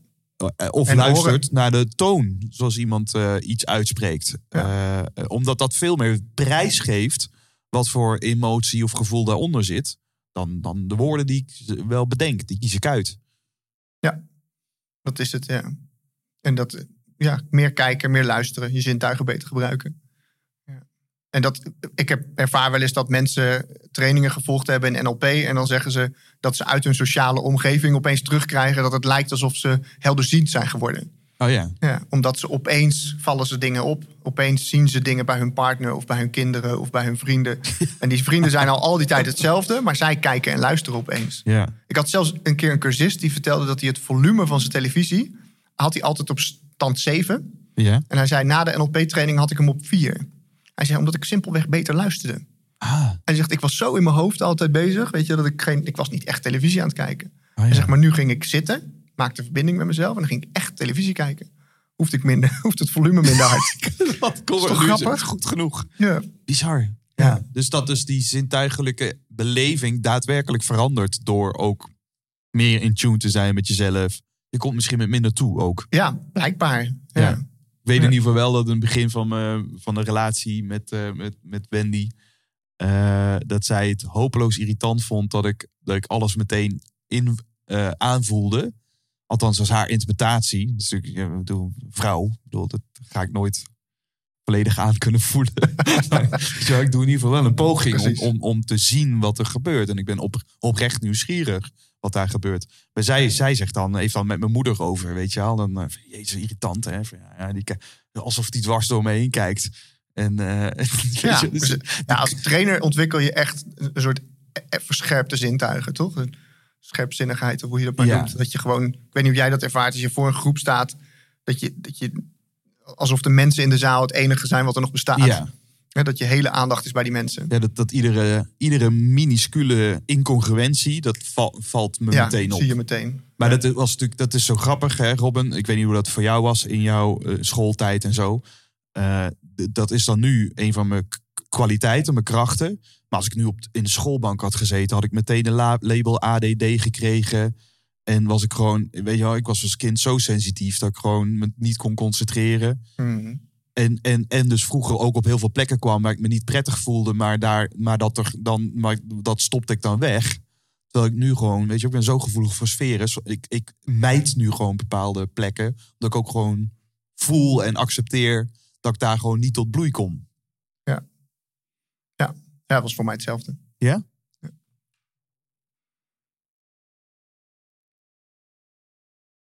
Want? Dus dit is even de awkward silence, hè? Was even ja, kijken of ik iets kwam en dan vraag ik het gewoon. Ja. Nee, dat ik, ik weet je, op, op dat moment was ik me er niet bewust van dat het zo was. Maar achteraf gezien was ik altijd heel gevoelig voor emoties van andere mensen. En eh, wat het resultaat was dat ik die emoties heel vaak overnam. Hmm. En dat ik dus dacht dat ik stemmingswisselingen had. Ach, ja. En eh, dus ik pikte emoties op. Eh, en eh, thuis, ouders, eh, vrienden, school. Eh, en dan vervolgens liep ik met die emoties rond. En ik, eh, later heb ik dat ook meegemaakt. Alleen toen werd ik me er bewust van dat, het dus, dat ik het oppikte. Hè, dat het, en ja, weet je, het grappige is dat als ik hier binnenkom en ik zie hier een stoel staan, dan denk ik niet meteen dat het mijn stoel is. Mhm. En, maar als ik een emotie voel, de enige plek waar ik die kan voelen is in mijn lijf. Ja. En dus wat gebeurt er is dat je neemt die emoties persoonlijk. Je gaat die toevoegen aan je persoon. Je denkt, ik ben onzeker. Terwijl het misschien wel jouw onzekerheid is. Ja. Ja. En, dat, eh, en dat zorgde er echt voor. Ik was bijna een soort... eh, ja, dus ik moet oppassen wat ik zeg. Maar eh, laat ik zo zeggen dat er enorme stemmingswisselingen waren. En dat ik soms niet wist waar ze vandaan kwamen. En dat, werd gewoon ingegeven door die ander. Misschien nog voordat die ander het zelf voelde. Zat jij al met dat gevoel in je maag. Ja, ja. Eh, Ja, dus dat was wel, eh, daar heb ik wel last van gehad. Ja. Ja. Hoe ben je daar nu, ook met de kennis van, van nu? Hoe, en, en er zijn vast luisteraars die dit herkennen. Eh, en die, die nu denken, hoe, heb je, hoe ben je daarmee omgegaan? Dus hoe, hoe heb je nu die twee dingen uit elkaar getrokken wat van jou is? En dus ook van jou mag zijn. Mhm. Wat je ook mag doorvoelen. Letterlijk. Ja. Of, hé, hey, dit, dit, dit, dit neem ik nu over van een ander en het is dus niet van mij. Dus dit laat ik ook. Veel tijd eh, alleen doorbrengen. Hè? Veel meditatie, veel eh, contact maken met jezelf. En dat, eh, ik was heel vroeg, ik was 18 toen ik voor het eerst een persoonlijke ontwikkelingscursus ging volgen. En eh, het was een Reiki-cursus voor de mensen die dat kennen. Ja, het was heel, eh, ik zag dat in de natuurwinkel. Dat was toen nog echt zo'n geitenwolle sokkenwinkel bij ons in, Zo'n winkel waar je ook van die cd's kon kopen. Ja. Zo op de knopje drukken en dan... Ja. Maar dat was zelfs al de moderne versie. Oh, dat ja. Dit was echt geitenwolle sokken. Mensen met van die hele bleke huidjes. Die dan biologisch aten. Wat toen nog helemaal onbekend was. Maar daar hing een foldertje van. eh, heb je vaak eh, eh, last van stemmingswisselingen en emoties. En blijf je te lang hangen. En toen dacht ik, ja, dit gaat over mij. Toen was ik 18. En toen. en, en dat was dus reiki. En dat leerde je om de energie weer te laten stromen. En ik had daar eigenlijk nog nooit van gehoord. En ik kwam daar aan. En misschien heb je het verhaal gelezen. Het staat ergens op mijn website. Maar ik had ik, ik liep in een rood t-shirtje en daar stond op I did Paris Hilton. en, en ik kwam aan tussen de weilanden, weet je, ergens in zo'n bakhuisje bij een boerderij. En daar zaten een stuk of vijf van die vrouwen in paarse gewaden. En, eh, en met wierook en sterrenmuntthee. En nou, ja, het hele plaatje was compleet. Van, eh, en, ja, en ik was daar echt. Ik dacht, wat doe ik hier? Weet je, waar ben ik beland? Maar zij leerde mij, die mevrouw van die cursus, leerde mij dus om die energie weer te laten stromen. En toen kwam ik erachter dat ik heel veel emoties gewoon had opgeslagen, persoonlijk had genomen. Mm. ehm, in de loop der jaren, waar ik helemaal niet van door had dat het überhaupt zo was. Ik had zelfs allemaal eczeem gekregen. eh, weet je, wat, wat vast gaan, was gaan zitten op mijn huid. eh, en wat helemaal wegging na die cursus. Wauw. Helemaal verdween. Twee dagen reiki. En eh, ja, het klinkt misschien wat zweverig, maar ik ontdekte wel meteen dat het niks voor mij was. In de zin van dat ik, ik was die jongen met dat rode t-shirtje. En zij waren die mensen met die paarse jurk. Ik denk, dit is niet mijn wereld. Maar ik voelde wel dat, dat door die energie weer te laten stromen. En dat doe je simpelweg. Ga lekker in je eentje het bos in. Ga yoga doen. Weet je, ga zitten, ga mediteren. Zoek plekken op waar je alleen bent. En dan ga je voelen wat is van jou en wat is niet van jou. En uiteindelijk, en dat is het grappige, is er helemaal niks van jou. Mhm. Het is, hè, want we zijn veel meer leegte uiteindelijk dan eh, emoties. Hè, we zijn de leegte die naar de emoties kijkt. In plaats van de emotie die, naar, die de leegte opvult of zo. Eh, dus uiteindelijk als alles wegstroomt en als je je weer in balans voelt, dan, dan voel je, hey, ja, je kon het al voelen tijdens die oefening die we net deden. Dan voel je, eh, in mij is er eigenlijk helemaal niet zoveel aan de hand.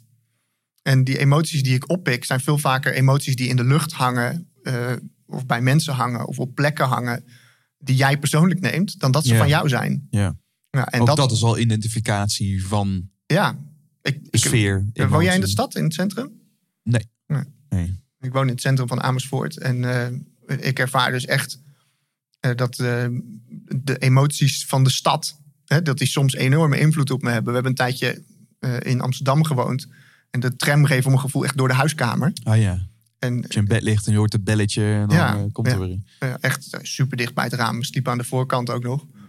En eh, ja, dan, dan voel je dus eh, de emoties van de stad continu in je systeem. Nou, het is zo moeilijk om dan te voelen, is dit van mij of is dit niet van mij? Ja. En dan moest ik af en toe echt naar het bos. Weet je, om, om los te laten. Om Ja. gewoon weer te voelen, oh ja, oh, dit is wat er echt is. Ja. ja. Dus eh, al die andere dingen zijn dan eigenlijk niet echt. Dat maakt het best lastig. Want als je continu in een omgeving bent met mensen op een kantoor waar negativiteit hangt, of eh, in, een, in een gezin waar continu ellende is, grote kans dat je al die dingen persoonlijk neemt en gaat denken dat jij het bent. Ja. Terwijl in werkelijkheid is het gewoon dingen, zijn het gewoon dingen die je oppikt. En dat dan soms, als we het dan hebben over NLP en de veranderinterventies die je doet als coach, dat, dat, dat in sommige gevallen, ook al is dat op de logische niveaus, eh, de laagste, maar letterlijk van omgeving veranderen, al, al een gigantische interventie kan zijn. Ja, zeker weten. Ik, heb na, ik ging een paar weken op de boot zitten en van de zomer. Nou, niet zitten, maar we gingen varen. En dan ben je alleen op het water. En dan voel je opeens weer van, oh ja. Er is, er is eigenlijk helemaal niks aan de hand. Al die ellende die nu in de wereld ja. aan de hand is. Hè, dat is voor het grootste gedeelte is het wat je oppikt uit je omgeving. Ja. Maar een heel klein gedeelte wat je er zelf aan toevoegt. Dus, dus maakt, zouden we dan gewoon beter moeten filteren? Is dat de training? Dat er, er is geen informatie overload, maar we hebben gewoon betere interne filters nodig. Ik denk niet dat je het kan. Ik denk dat het, dat het bijna onmogelijk is om te filteren. Want ik denk dat doet, ge- komt allemaal je onbewuste in. Mhm. En ehm, voor je het weet is het al eh, gebeurd. Ik, ben, ik heb geen social media op mijn telefoon. En eh, ik vertelde er straks dat ik vaak eh, pas na twaalf uur 's middags mijn telefoon pak. Ja. Ik merkte alleen daardoor, door niet in te checken bij externe dingen, ben ik veel meer mezelf. Ja. dus ik, ik geloof wel echt in dat je... Voor mij werkt het althans heel goed om, om gewoon niet die informatie toe te laten. Ja. En ik las graag de krant op zaterdag, maar de afgelopen anderhalf jaar niet meer. Nee, even Ja. weggestopt. Ja, ik denk dat vind, dus minder informatie toelaten is voor mijn gevoel wel de enige manier om echt te zorgen dat je bij jezelf blijft. Ja. Hoe komt het dan dat je dan toch het schrijven van het nieuwe boek uitstelt? Nou, ja, goede vraag. ik, ik, eh, toen ik ermee bezig was afgelopen jaar, toen voelde ik heel erg dat ik, eh, dat ik, eh, dat ik het graag wil schrijven vanuit een gevoel van dat het, eh, dat het lekker gaat. En dat ik het gevoel heb dat het gaat helemaal niet lekker in de wereld nu. En, eh, en dus ehm, voelt het voor mij niet echt als een, als een soort lekker schrijfmoment. Hmm. En we hebben een, een nieuwe beslissing genomen. Dat is eh, om vanaf dit najaar met pensioen te gaan. En De beslissing is, jij gaat op je 39ste met pensioen. ja, ja, ja, Ja. 38, ja. Ja we, hebben, we hebben het huis verkocht. En eh, we, hebben, eh, we hebben- we hadden al een boot, maar we hebben de boot ook verkocht. Oké. We hebben een andere boot gekocht die groot genoeg is om op te wonen. Oké, En eh, dat gaan we vanaf dit najaar doen. wauw. Dus we organiseren over een week de laatste training. En en dat that's it. Dan, Je stopt ook met NLP practitioners en masters geven. ja, wel in de vorm waarin ik dat tot nu toe gedaan heb. Ja. Ja. En we blijven. Ik, volgend voorjaar geef ik nog een. Geef ik nog wel weer een week eh, mijn favoriete training in NLP. Alle in-company dingen heb ik al afgezegd. En eh, alle workshops deden we sowieso wel niet meer vanwege de maximale groepsgrootte. Ja. Dat waren altijd grote groepen. En, eh, en ik heb dus besloten om, eh, om gedacht van we gaan zo meteen eerst lekker op die boot wonen. En dat zal best wel even wennen zijn, denk ik. Dat komt een hoop bij kijken. En dan als ik straks daar de rust een beetje gevonden heb om dan daar dat boek te gaan schrijven, dat lijkt me heel leuk. Ook als een soort afsluiting van eh eh, 15 jaar is het dan bijna training geven. En lijkt het me gewoon heel leuk om dan al die inzichten en dingen die ik, eh, die ik geleerd heb in de loop der jaren, om die dan op te schrijven. En, eh, en, en het daarmee af te sluiten. En, en ik stop niet helemaal met training geven, want ik, ik merk dat we heel veel mensen willen hun vrienden nog graag sturen naar zo'n training die. eh,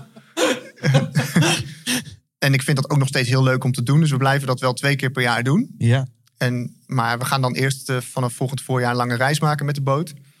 En eh, geen idee waarheen nog. Dat moet- gaan we allemaal wel bedenken vanuit de rust. En, maar ik sluit niet eh, uit dat als we terugkomen, dat ik dan misschien iets heel anders ga doen. Dus eh, zou kunnen. Dat zie je dan wel weer. Ja, wat wil ik niet allemaal nu bedenken. Nee. Misschien ga ik het wel heel erg missen. En Ja. Want het is heel leuk natuurlijk. Ik, Over twee jaar zeg je weer, jeetje Glenn, dat was een leuk idee. Maar eh, daar was ik ook na een jaar ook wel weer klaar mee. klopt, daarom ik ben een beetje voorzichtig dat ik dat hier Ja. allemaal uitspreek. Want Ja. dan staat het eh, vastgelegd. Ja, Nee, maar het, het, het lijkt me gewoon lekker om eens... Ik heb al eens een keer eerder een jaar eh, vrijgenomen. Gewoon gereisd met een rugzakje. En die boot, daar droomde ik al heel lang van. En toen dacht ik van... ja, ik kan gaan uitstellen zoals veel mensen doen tot mijn pensioen... om dan een lange reis te maken. Ik kan ook gewoon denken, we gaan het nu doen. ja. En, en wat lang is, weet ik ook niet hoor. Ik bedoel, het kan een half jaar zijn. Dat is al best lang. ja. Dat is langer dan je meestal eh, aan tien jaar zelfvakanties eh, bij elkaar zou doen. Ja. Maar het, ja, je hoort ook wel en je leest ook wel verhalen van mensen die dan de hele wereld overvaren en, en drie jaar wegblijven. Ja, als we het leuk genoeg vinden, Ja. je weet maar nooit. Dus, ja, dus ik hoop dat ik straks, als we, was een beetje een dubbel antwoord op je boek of op je vraag. Maar straks, als we de ruimte hebben en de rust hebben op de boot, om dan lekker vanuit dat goede gevoel eh, en die flow lekker dat boek te schrijven en er ook echt de tijd voor te nemen. En, eh, moet dus in ieder geval een optimistische onderstroom zijn om dat boek te schrijven, hoor ik je. Vind ik ja, vind ik wel belangrijk, ja. Ja. ja. Want voor mij is dat het echt. Voor mij is persoonlijke ontwikkeling echt iets heel leuks wat bij, eh, Ja, wat bij een heel fijn leven hoort. En, eh, ja, dan heb, straks heb ik er dan. Ja, ik ben dan. eh, ik gok zo'n beetje dat het rond mijn veertigste uitkomt. Dan denk ik, nou, eh, ze zeggen dat het leven begint op 40. dus Jeetje Robin, ja. ja, toch? Het staat nog ons wat te wachten. Ja, toch? Ja, Ja. daarom. Ik denk, dan heb ik een mooi ding zo van voor de mensen. Hoe, hoe ben ik mijn twintigste tot mijn veertigste doorgekomen? Vind ik heel leuk om daar Ja, over te delen. En misschien dat het mensen die nog aan het begin staan van die reis, dat, eh, dat kan inspireren. ja inspirerend om te horen. En ook, ehm, dat was een van de vragen die ik had geformuleerd. Eh, en daar geef je nu eigenlijk al een beetje antwoord op. Daar waar NLP komt voort uit de studie eh, van succes. Ja. Hè, dus omschrijf jij dat vaker. Eh, dus het is, we modelleren heel veel succesvolle mensen. Want die doen dus blijk, klaarblijkelijk iets goeds. Nou, als we dat onderzoeken en we maken daar modellen van. Is dat overdraagbaar voor anderen? Mhm. Nou, zo heb je ineens een soort vergaarbak aan technieken. Wat NLP is. Eh, op allerlei verschillende niveaus. Of het nu gaat over beter verkopen, eh, een marathon rennen. eh, de- je kan het niet zo gek bedenken. dat- Of het is wel gemodelleerd Ja. ondertussen. Maar, dat is, maar het gaat uiteindelijk wel dus over het onderzoeken naar mensen die het eerder hebben gedaan. Wat altijd toch een soort ja, referentieervaring is. Wat nooit echt een bewijs geeft dat dat jezelf dan ook gaat lukken Mhm. iets doen in ieder geval. Het gaat over van A naar B bewegen. Eh, en dan heb je helemaal de andere kant, want jij duikt dan ook helemaal de spirituele kant in. En je doet stilteretretes en, en meditatie en alleen met de natuur. Waarin het eigenlijk gaat over alle modellen, alle recepten loslaten en zijn met wat is. Je noemt dat volgens mij letterlijk zelf van doen naar zijn. Ja. En is dit dan voor jou nu ook in letterlijk die transitie?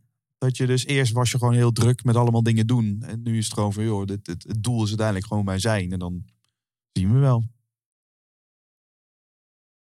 Misschien. Zou kunnen. Soms weet je pas achteraf wat er aan het gebeuren was, denk ik. Dat is zeker Ja. waar. Ja, ja. Maar ik, voel wel dat we... We, we hebben vorig jaar voor het eerst, eh, dankzij de lockdown, eh, online dingen gedaan. En dat, eh, en dat was dus, dat vond ik eigenlijk helemaal niet leuk. En tegelijkertijd ook was het wel weer een leuke ervaring, want het was nieuw. Ehm, en, eh, maar het- het- ik voelde wel dat we veel minder trainingen gegeven, veel meer stilte gehad. En zoals heel veel mensen. Eh, en, en dan ga je eens nadenken van waar, ben ik, waar ben ik naartoe onderweg? Wat ben ik aan het bereiken? Ehm, hè, wat heb ik, ik heb superveel mooie dingen gedaan als trainer al. En hele grote zalen gehad. En eh, hele intense dingen. Trainingen in het buitenland. Boeken nu uitgegeven en geschreven. Superleuk. En denk ik, het, ik vind het ook wel heel eh, leuk om eens te kijken... Wat, eh, wat is er nog buiten die wereld te ontdekken. En, en, eh, want ik kan, nog, ik kan nog tien jaar dit doen. En eh, nog twintig misschien, nog dertig. Geen idee, Ja. ja. En eh, het- de, de grondlegger van NLP eh, doet het volgens mij al 40 jaar. Ja. En die vertelt altijd al dezelfde verhalen en zo. En ik denk, misschien ben ik ook wel toe aan nieuwe verhalen. Ja. Vind ik het ook wel een keer een leuk idee. Ik vertel in mijn trainingen heel vaak openhartig over alle tekortkomingen en eh, eh, dingen die ik eh, heb meegemaakt, waardoor ik heel veel persoonlijke ontwikkeling heb ontvangen, als je het zo wil noemen. En gewoon de vergissingen die ik heb gemaakt, de fouten die ik heb gemaakt, dingen die mis zijn gegaan. En, maar ik denk, ja, als ik, dat verhaal is nu best nog leuk, want ik heb dat, het is nog redelijk kort geleden. Maar ik zou het ook wel heel leuk vinden om een keer een nieuw verhaal te kunnen vertellen. En geen, als, als ik er al een verhaal over vertel. Dus, en, dat, ja, en misschien is dat inderdaad wel een soort terugtrekkende beweging van heel veel doen en heel veel naar buiten gericht zijn. Ehm, ja, naar meer uh, op mezelf gericht zijn en meer zijn. En, uh, maar geen idee. Misschien wel niet. Misschien begin ik. Misschien ga ik wel. Ga ik wel vloggen vanaf de boot. En dan wordt het alsnog weer een naar buiten gerichte ervaring. Ja. ja. Nou, dat, dat zullen we dan vanzelf ja, ontdekken. Precies. Ja, je weet het niet. Ja. ja. We, hebben, we hebben het gehad over, um, over de fundamenten, voor mijn gevoel, voor een goed gesprek. Voor mm -hmm. verbinding. Het gaat over wat we zelf kunnen doen om in ieder geval in een, een toestand te komen wat, wat prettig is. Over hoe we prikkels kunnen, een beetje weg kunnen laten. Zo die telefoon even aan de kant te leggen. Door, door beter af te stemmen op de ander. Door vooral goed, goed beter te kijken. Uh, beter te luisteren naar wat daar gebeurt. Uh, en je zou kunnen zeggen, nou, als die verbinding er dan is, als we die bedding hebben, de bereidwilligheid om met elkaar aan de slag te gaan, ja, dan is hier nu nog nog één pilaar die we, die we nog niet echt hebben belicht. En dat is hoe we mensen positief beïnvloeden in dat gesprek. Wat we dan daadwerkelijk gaan doen in dat gesprek. Hmm. Uh, wat, wat zou je daarover kunnen, kunnen meegeven? Ja, ik denk de meeste luisteraars uh, zullen wel uh, gehoord hebben van dat verhaal van Marabian. Hè, dat uh, 93% is lichaamstaal en, en, stemgebruik. En de energie die erachter zit. En maar 7% zijn de woorden die je zegt. Ja. En ik denk dat, dat als het gaat over positief beïnvloeden, dat. We hadden het daar straks even over Eckhart Tolle. Eckhart Tolle kan door niks te zeggen, kan die je positief beïnvloeden. Uh, als je het nog nooit gezien hebt, moet je voor de grap even naar YouTube gaan en een speech van hem bekijken. Het is, dan zie je dat woordeloos je mensen enorm kunt beïnvloeden. En het andere uiterste, Anthony Robbins, als je daar een filmpje van googelt, als die over het podium heen rent. Oké, het is niet woordeloos, maar heel veel woorden juist. Maar de manier waarop hij de woorden uitspreekt uh, en de manier waarop hij over het podium heen rent, doen meteen iets met je. Ja. En uh, los van het oordeel daarvan. Hè, dus het Ze ene is allebei op een andere frequentie. Ja, ja? heel andere. De ja. ene uiterste en het andere uiterste. En, maar je ziet dat in beide gevallen eigenlijk hetzelfde waar is. Hè, dat de stem, de lichaamstaal, de energie die erachter zit, dat daar de grootste winst in zit. En wat ik zelf heel leuk vind om te doen in een, bijvoorbeeld in het park. Ik eh, woon aan de rand van het park en dan loop ik een rondje s'avonds. Is dat, dat ik zie hoe simpelweg uh, glimlachen naar mensen uh, invloed heeft. Uh-huh. En dus dat als je glimlacht naar iemand die je tegenkomt, eh, dan heeft het invloed. En dan glimlachen ze terug. En heb, dan ben je iemand positief aan het beïnvloeden. Yeah. Zo simpel kan het zijn. En dat als je goedemiddag zegt. Ik, als iemand mijn nors gedag zegt in het park, en dan vooral als hij het terug zegt, dan denk ik heel vaak grappig. Waarschijnlijk zei ik het niet zo aardig. Ah, ja. En dan probeer ik het bij de volgende eens uit om het iets vriendelijker te zeggen. En dan zeggen ze vaak vriendelijker iets terug. En dan ben je al positief aan het beïnvloeden. dus als je zegt, uh, hoi, of je zegt, uh, goedemiddag. dat maakt een enorm verschil. En het enige waar ik, waar ik vaak om moet lachen is dat de, de meiden die een beetje in de range vallen van dat ik ze mogelijk zou kunnen versieren qua leeftijd eh, dat daar alles anders werkt. dus dat zodra ze denken van, oh, deze jongen zegt het alleen maar om, uh, om mij te versieren, dan, wordt het totaal anders gereageerd. Weet je, als ik dan goedemiddag zeg, kijken ze opeens weg of zo. Of dan kijken ze alsof ik een vervelende enquêteur ben die ja. lastig komt doen. Maar ik denk in die simpelheid, weet je, gewoon in glimlachen en in vriendelijk zijn met je intonatie, dat je al positief aan het beïnvloeden bent. En als het op dat soort korte momenten werkt, dan werkt het waarschijnlijk ook in ingewikkeldere situaties. Dus als je iets voor elkaar wilt krijgen, als ik graag wil dat jij vriendelijk tegen mij bent, eh, dan eh, helpt het enorm als ik vriendelijk tegen jou ben. En eh, als ik iets van jou gedaan wil krijgen, ik hoorde dat pas van een cursist in het hotel waar we training organiseerden. En ze zei van ja, ze hebben, ze hebben me een kamer gegeven. En het is een oudbollige rommel. En ik hoor van een andere cursist dat het daar helemaal modern is. En ja, ik ben echt gefrustreerd en ik ben boos. En uh, weet je, dus, uh, ik ben naar de receptie gegaan, maar ze willen me niet helpen, weet je. Dus toen zei ik, oké, laten we dit eens als case bekijken, weet je. Van hoe ben je naar die receptie gegaan? Hoe was je lichaamstaal? hoe was je stem? Toen zei ze, ja, pff, nou, ik was wel redelijk gefrustreerd en boos. Ik zeg, en hoe reageerde diegene achter de receptie? Ja, gefrustreerd en boos. Ik zeg, en als je er nu langer over nadenkt, zeg maar, is dat toch gek? En wat zou er zijn gebeurd als je, als je diezelfde boodschap vriendelijk en enthousiast had gebracht? Ja. En eh, weet je, als je daar vrolijk heen was gegaan. Het is natuurlijk lastig, moet je eerst dat gevoel weer omdraaien. Eh, je zou er naartoe gaan en je zegt, eh, mevrouw, ik, ik hoor dat jullie hier ook hele mooie kamers hebben. En ik vraag me af wat ik moet doen om daar, om daar kans op te maken. Of zo. Ja. Je zou het vanuit een soort grappigheid en vanuit een soort speelsheid brengen. En, en wat zou er dan gebeuren? Nou, en het grappige is, zo iemand probeert dat dan en het werkt ook nog. Oh ja. Ja, en, Dus dan denk jij, yes, gelukkig. Ja, gelukkig, tevoren ja. ingefluisterd, weet je wel. Er komt Ja, meteen iemand er aan. komt en straks nog iemand, ja, wel Geef je dan maar gewoon die kamer, weet je wel. Dan creëer je een ja, verandering. bijbetalen en zo. Ja. Ja. Ja. Ja. Ja. Nee, nee, d- dat is, ik, ik weet niet. Ik vind dat, eh, dat de magie zit in dat soort kleine dingen. En als je het dan oefent. Eh, ik vind in de supermarkt ook leuk dat je, dat je gewoon met iemand achter de kassa. dat je echt verbinding maakt en een praatje maakt. En dan lachen ze en dan kijken ze je vriendelijk aan. En dan denk je, hé, hey, dit is een verbinding. Ja. En als je het daar kunt, dan kun je het uitbreiden naar eh, zakelijke situaties of situaties die belangrijk voor je zijn. Ja. Hè, mensen zeggen dan, hoe krijg je invloed op een groep van 100 man? Ik denk hetzelfde. Ja. Hè? Het is, je kijkt iedereen aan voor zo goed als dat gaat, met 100 man, met een glimlach. En je zegt vriendelijk goedemiddag. Ja. En hè, dus je komt. Ik, heb- ik hoorde dat later wel eens terug van een cursist. Dan zegt hij van, weet je, op de eerste dag je kan niet anders dan je goed voelen, want jij komt binnen en je komt heel relaxed aanlopen. Weet je, je kijkt iedereen aan en je glimlacht. Weet je, en dus voel je je op je gemak. En zo simpel. En dan denk je, dan, dan heb je dus positieve invloed. En als je dan, als je dat eenmaal gedaan hebt, ook nog goede dingen gaat zeggen. Ja. Hè, dus als je de positieve punten uit gaat pikken bij iemand en je geeft complimenten over wat er goed gaat en eh, je geeft suggesties in de goede richting. Je gebruikt niet het woordje niet. Toch? Ja, je moet niet denken dat ik boos op je ben. Weet je? Of, eh, Ja. of je zegt van, hé, hey, ik eh, wil je graag helpen. Of geen idee wat het, wat het voor verschil maakt. Maar eh, dan ga je, eh, ja, volgens mij krijg je dan een compleet plaatje. Ja. En je gaat van eh, positieve, positief gevoel. En daar begint het mee. Een positieve lichaamstaal, positieve stem. En dan ga je ook nog goede dingen zeggen. En dan test je vervolgens je boodschap. Want wat voor de ene persoon goed werkt, eh, werkt voor de andere persoon misschien helemaal niet.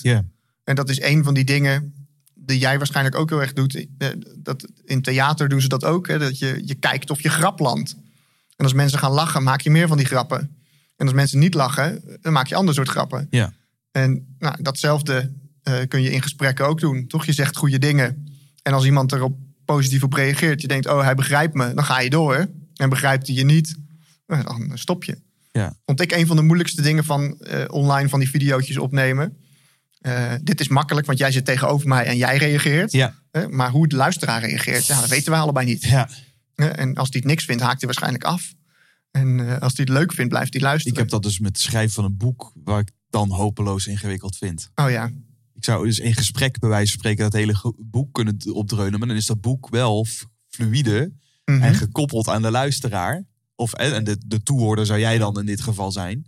Maar ja, het- ik, ik vind het dus heel moeilijk om iemand voor me te zien terwijl dat ik schrijf. Want dat kunnen heel veel, hopelijk heel veel verschillende mensen zijn. ja. Ja, en, dan, en ik herken dus heel erg de, de feedback bepaalt voor een deel de communicatie. Oh ja. Weet je wat mij heel erg geholpen heeft? Nou? Is om een paar van mijn beste klanten in gedachten te nemen, mijn leukste klanten. En het boek voor hen te schrijven. Oh ja. En eh, af en toe, als ik twijfelde over eh, een eh, verhaal, dan heb ik ze gewoon opgebeld. En heb ik ze gewoon dat verhaal verteld. En, dan, en als ze het dan een leuk verhaal vonden, Dan wist je, ja, dan was het goed. ja, leuk. Ja, dus dat tip. werkte. Ja, en, dat, en wat me ook opviel was tijdens het schrijven dat ik soms de, soms de klanten in gedachten kreeg waar ik juist niet aan moest denken. Hmm. Dus de kritische mensen. Of de, de mensen in mijn zaaltjes die bepaalde verhalen niet konden waarderen. Of dan was ik iets aan het schrijven en dan dacht ik van, oh ja, maar er zijn ook mensen bij. En die hebben al heel veel verstand van dit onderwerp. Eh, en die gaan dan vast zeggen, ja, maar hoe zit het daar en daarmee? En dacht ik, nee, die moet ik niet Die, denken. de, de- daar Nee, schrijf ik het boek Daar niet schrijf voor. ik het boek niet voor. Nee. Maar als we dit zo langslopen en we Oh, sorry. luisteren, sorry, de, de, dingen die je zegt. Ja, dan, dan zou de advocaat van de duivel zou dan zeggen: je bent niet pretentieus. Wat misschien iets heel positiefs is. Maar het, ja, het, het, het, het, het zou, als, je, als ik de pretentieus negatief formuleer, is Mhm. het, nou, het zou ook wel eens oppervlakkig aangemerkt kunnen worden. Ja. Ah, moet een beetje glimlachen, niet telefoon wegleggen. En eh, ja, maar dan gaan, we, dan gaan we nu die merch en acquisitions, weet je wel, miljoenen case eh, moeten we eh, moeten gaan fuseren of zo. of die medewerker, die moet ik ontslaan. En dan heb ik er wel een track record mee en zo. ja, allemaal hopeloos ingewikkeld. Mhm. Ehm, en dus dat dat dan de feedback zou zijn. Ja, ik wil hele opvallend goede gesprekken voeren. Maar die gesprekken, daar, daar kom ik niet mee weg met een glimlach. Klopt. Ja, en ik, ik denk dat het valt mij wel eens op. En misschien is het mijn. eh, ik heb een soort voorliefde voor dingen die echt gewoon werken. En ik, ik, ik, eh, zeg maar, ik kan ingewikkelde theoretische benaderingen en modellen en wetenschappelijk onderbouwde verhalen. Tuurlijk, iets in mij vindt het super interessant. Maar, maar dan denk ik vervolgens, waar is de toepasbaarheid? En eh, ik, ik zal je een voorbeeld geven van iets. We hadden een eh, spreker uitgenodigd eh, in een, eh, nieuwe training die we hebben. Mindset Mastery. Super vet.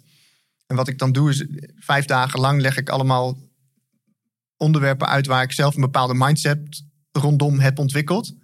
Eh, waardoor ik echt een heel lekker leven voor mezelf heb gecreëerd en gekregen. En daar ben ik heel dankbaar voor. En ik wil dat graag delen met mensen. Ik wil ze graag die gelegenheid geven. En eh, een van die onderwerpen is gezondheid. Eh, Mhm. goed voor jezelf zorgen. Eet gezond, leef gezond. Zowel mentaal als fysiek. Vind ik lekker. Niet, dacht, niet 100% van de tijd. Hè? Geen, geen heilig boontje. Maar het grootste gedeelte van de tijd zorg ik goed voor mezelf. En ik had dus een spreker uitgenodigd. En die spreker die was iemand die echt een gezondheidsgoeroe was in Nederland. En eh, super inspirerende gast. Heeft eh, al tien boeken geschreven over gezondheid. Weet er superveel van. Eh, maar heeft, is een wetenschappelijke, heeft wetenschappelijke achtergrond. Heeft bij ons een presentatie gehouden eh, van twee uur. En heeft een heel verhaal verteld daarover over hoe dat werkt in je brein. En met hormonen. En met welke voeding welk effect heeft. En welke dingen je wel moet combineren, niet moet combineren. Weet je, iedereen aantekeningen maken. Iedereen vond het mega interessant en zo. En dan aan het einde van die presentatie is, dan heb ik dus een vraag. En dat is mijn eigen simpelheid misschien. Dat ik dan denk, oké, maar wat moet ik nu vanaf, vanaf morgen concreet gaan doen? En zeg maar om te zorgen dat ik deze principes in mijn leven integreer. In plaats van dat ik, eh, eh, zeg maar dat ik al, want die wetenschappelijke inzichten zijn leuk voor in mijn aantekeningenboek. En dan kan ik later in een gesprek met iemand, kan ik daar indruk mee maken. Ja. En, maar waar is de toepasbaarheid? En waar, eh, wat kan ik nu vanaf morgen anders doen? En nou, hij eh, had daar niet echt een antwoord op, want het ging, eh, ging meer over zijn ding. En, en later zei ik, toen ik weer voor de groep stond, zei ik: Jongens, ik zal vertellen hoe ik dit voor mezelf concreet heb gemaakt. En dat is heel simpel. Weet je wat ik gedaan heb? Is ik heb zo'n hele dure blender gekocht, zo'n Vitamix. Ja. 700 euro. En, en elke ochtend propt mijn vriendin Lisa propt dat ding helemaal vol met groenten. En een klein beetje fruit voor de smaak. En dan maken we een smoothie. En nog voordat we aan onze dag beginnen, drinken we zo'n smoothie op. En er zit eh, 400 gram groente per persoon in. Heb je me Dat is gewoon al... twee keer zoveel als wat eh, de dagelijks aanbevolen hoeveelheid volgens het voedingscentrum, geloof ik. En, eh, en, Zo beginnen we onze dag qua Ja. voeding. en dat doe ik al eh 15 jaar of zo, weet je, misschien nog langer. En eh, dat is, dat is- af en toe zijn het sapjes, met, soms zijn het smoothies, weet je. En dat is voor mij is dat, hoe maak je het toepasbaar? Ja. En dan, en dan kan je daarna, kan je, natuurlijk kan je allemaal wetenschappelijke literatuur gaan lezen over waarom dat een goed idee is. Ja. Maar uiteindelijk, what it boils down to, zeg maar, is dat je elke ochtend die, die groente naar binnen werkt. Ja. Ja. En, eh, weet je, en ik denk dat hetzelfde voor communicatie waar is. Hè? Dat je kan dus in gesprekken, je kan helemaal de wetenschap van. Ik had pas iemand die had helemaal vijf jaar lichaamstaal gestudeerd eh, bij een soort FBI-achtige opleiding. Super cool, weet je wel. Als- Als je voeten naar buiten wijzen, betekent dat dat je weg wil. En als je dit doet, en als je... Ja. heel interessant allemaal. En, eh, maar waar komt het uiteindelijk op neer in de praktijk? Weet je, dat is dat wij ontmoeten elkaar hier in de gang en we glimlachen naar elkaar. That's it. En daarom vinden we elkaar aardig. Dat was ook daar de conclusie, zeg maar. Ja, nee, Ja. nou weet ik niet of dat duidelijk maar dat, is, Nee, maar- dat is onze conclusie. Ja, dat is onze Ja. conclusie. Ja. Ja. Ja, dus je legt, het, je legt het heel mooi uit, vind ik. eh, daar waar, eh, en dat is ook kiezen. Hè? Dus al die modaliteiten mogen er zijn. Als je een heel eh, informatie en, en zeker kennis nuanceert, Mhm. dan wordt het af en toe heel ingewikkeld om dingen nog heel praktisch te maken. Want dan zijn er natuurlijk altijd uitzonderingen en, en momenten dat. Maar jij bent gewoon van de. Ik wil delen wat werkt. En ik wil dat het makkelijk toepasbaar is. Iets wat ze morgen kunnen doen en wat impact heeft. Ja. Nou, dat is fantastisch om voor te staan. En, een, en, een, en een, een, iemand die eh, meer van de data is, is denk ik in de wereld met fake news. Want dat is natuurlijk wat het zo lastig maakt. Dat heel die marketingwereld uh, heel erg slim is geworden in de drie stapjes naar het succes. En dat volgens mij, als ik uh, iedere YouTube-commercial die in mijn gezicht springt, worden gouden bergen beloofd. En ik zou uh, in een split second miljonair zijn met cryptomunten. En het zou echt niet heel moeilijk zijn. En iedereen kan het, want ik doe het ook. En zie me hier bij mijn uh, cabriolet staan. met Rolex. Ja. dat, dat, dat het probleem ook is dat simpele dingen dus snel overtuigend zijn. Maar dat we ook vaak inmiddels in die zelfhulpwereld, wat een beetje zo ploft af en toe, ook wel tegen de muur aan zijn gelopen dat we dingen hebben geloofd van mensen. Uh, en, en, en dat het uiteindelijk gewoon niet bleek te kloppen. Uh, ik kan me ook wel voorstellen dat dat misschien een soort van, als ik over mezelf praat, een, een soort zoekwerking is. Tussen uh, af en toe willen laven aan, aan de onderzoeken en, en, en naar de replicatiecrisis in de psychologiewereld. Mhm. Dat we er eigenlijk achter komen hoe weinig we eigenlijk weten over, over de psyche. Ja. en dat we dus mensen die heel erg heel erg overtuigd zijn van hun eigen gelijk, dat we die misschien af en toe ook een beetje moeten wantrouwen. Uh, ja, oh ja, ik zou zeker. Ik begin mijn trainingen altijd met dat te zeggen. Ik zeg altijd: neem alsjeblieft niks serieus wat ik gezegd heb. Want het, is het zijn allemaal maar mijn ervaringen. Volgens mij staat het ook in mijn boek. Ja. En zo, dus Ja. probeer het gewoon uit. Ja. En, het- ik vraag je nergens om 10.000 euro in een bitcoin te stoppen Nee. of zo. nee. Ik zeg gewoon glimlach eens naar iemand en kijk wat het verschil En is. stop die telefoon nou eens weg. Ja. En haal eens even adem voordat je het gesprek ingaat. Ja. En voel eens hoe dat voelt aan het einde van de dag. Ja. Weet En, zo- en zolang dat niet normaal, normaal is, zolang we in een wereld leven waarin meetings worden gedaan terwijl het mensen gewoon in een laptop zitten, zolang er dus wel heel veel wifi is, maar geen menselijke verbinding, denk ik dat jij deze ogenzichtelijk eenvoudige tips hebt te delen met de wereld, omdat het daarmee wel een beetje beter wordt. Ik hoop het. Ja, ik, vind het wel, ik zou het leuk vinden. Als het, als je het maar een druppel op een gloeiende plaat. Robin, we gaan naar de, naar de afronding. Eh rest mij nog een aantal onspotvragen te stellen. Vragen die ik aan iedere gast stel. En het eerste wat in je opkomt eh, is eh, goed. Oké. Wat is een boek wat je enorm heeft geïnspireerd? Of wat je eh, vaak cadeau hebt gegeven? Misschien een andere? Ehm, ik heb ooit, toen mijn relatie eh, tien jaar uit, eh, na, na een tienjarige relatie, toen het uitging, dat boek van Jan Geurts gelezen. Ja, Verslaafd aan liefde? ik vind dat nog steeds, geef ik dat echt heel vaak als tip aan mensen. Hmm. Ja. Hij staat genoteerd. Ja. En mensen kunnen luisteren naar, eh, naar het interview wat ik met hem had. Was eh over Spreeksproken podcast Jan Geurts in toetsen. Op de plek waar je nu luistert, dan kom je daar vanzelf eh, uit. Een heel inspirerende man. Ja, Ja. zeker. Dat is een mythe over verbinding waar we echt vanaf moeten.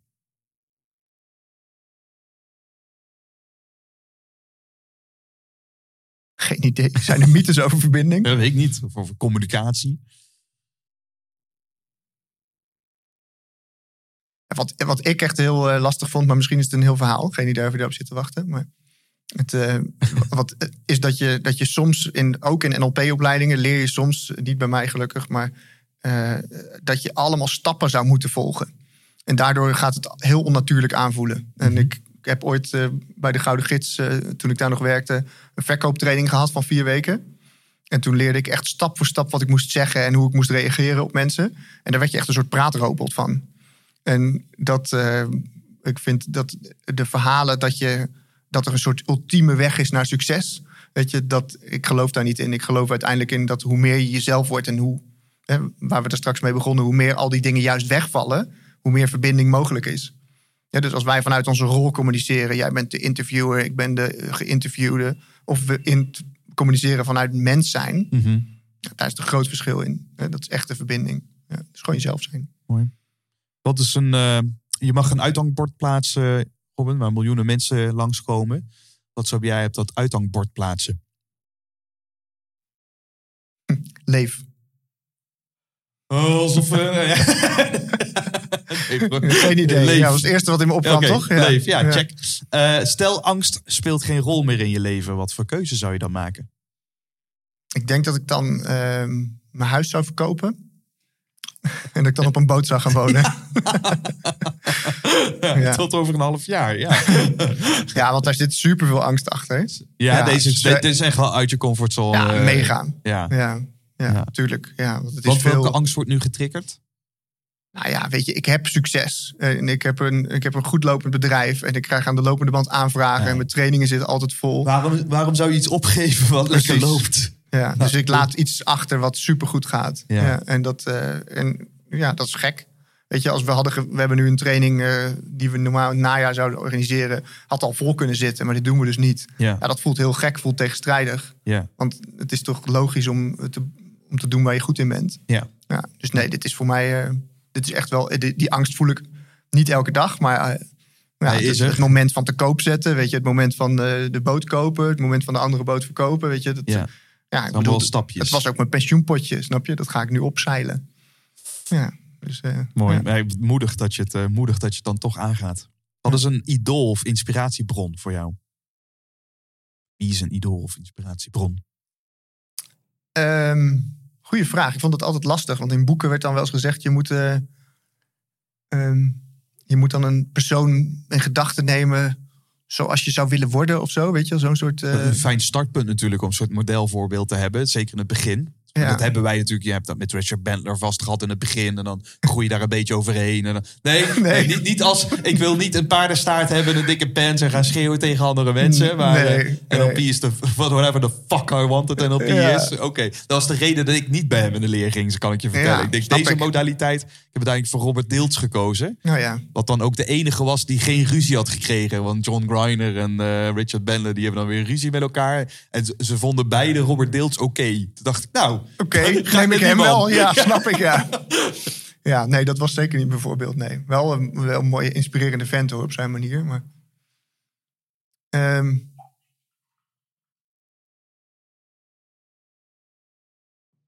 ik, heb wel, ik heb wel heel veel bewondering voor mijn ouders altijd gehad. Heel veerkrachtige ondernemers die, eh, eh, ondanks dat echt niet alles goed ging, eh, heel veel eh, groot bedrijf gehad, opgebouwd vanuit het niks. Weet je, uiteindelijk failliet gegaan toen 9-11 gebeurde. En, ehm, of nou, failliet gegaan, maar gestopt. eh, kleiner geworden en helemaal weer overnieuw begonnen en zo. Daar heb ik wel heel veel bewondering voor. Bewondering voor eh hoe heten je ouders? Cor en Jolanda Stevens. Cor en Jolanda. Staan Ja. genoteerd, dankjewel. je mag een muzieknummer in de over gesproken jukebox stoppen. Ik vraag sprekers bijvoorbeeld, vraag, heb je een soort anthem wat je graag luistert voor of na het spreken? Of een nummer wat je altijd doet, speelt tijdens een training? Maar ja, Het mag ook een soort live song zijn waarvan je zegt, oh, die moet, die moet in, de, in de jukebox. Joshua Redden. Ik weet even niet hoe dat nummer heet. Ehm, Beautiful Day, volgens mij. Beautiful Day. Ja, Die doe je draaien we tijdens... tijdens trainingen. Ja? Ja, ja dat is echt, als ik dat aanzet, Dan, dan eh, ga ik aan. ja, top. Nou, dan gaat die in de jukebox. De allerlaatste vraag is de college toevraag. Wat zou jij een eh, beginnend spreker, kan in de breedste zin van het woord zijn, als advies eh, aanraden? Wat is een mooie eerste stap?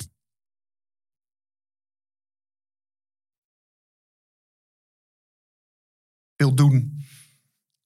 Gewoon beginnen.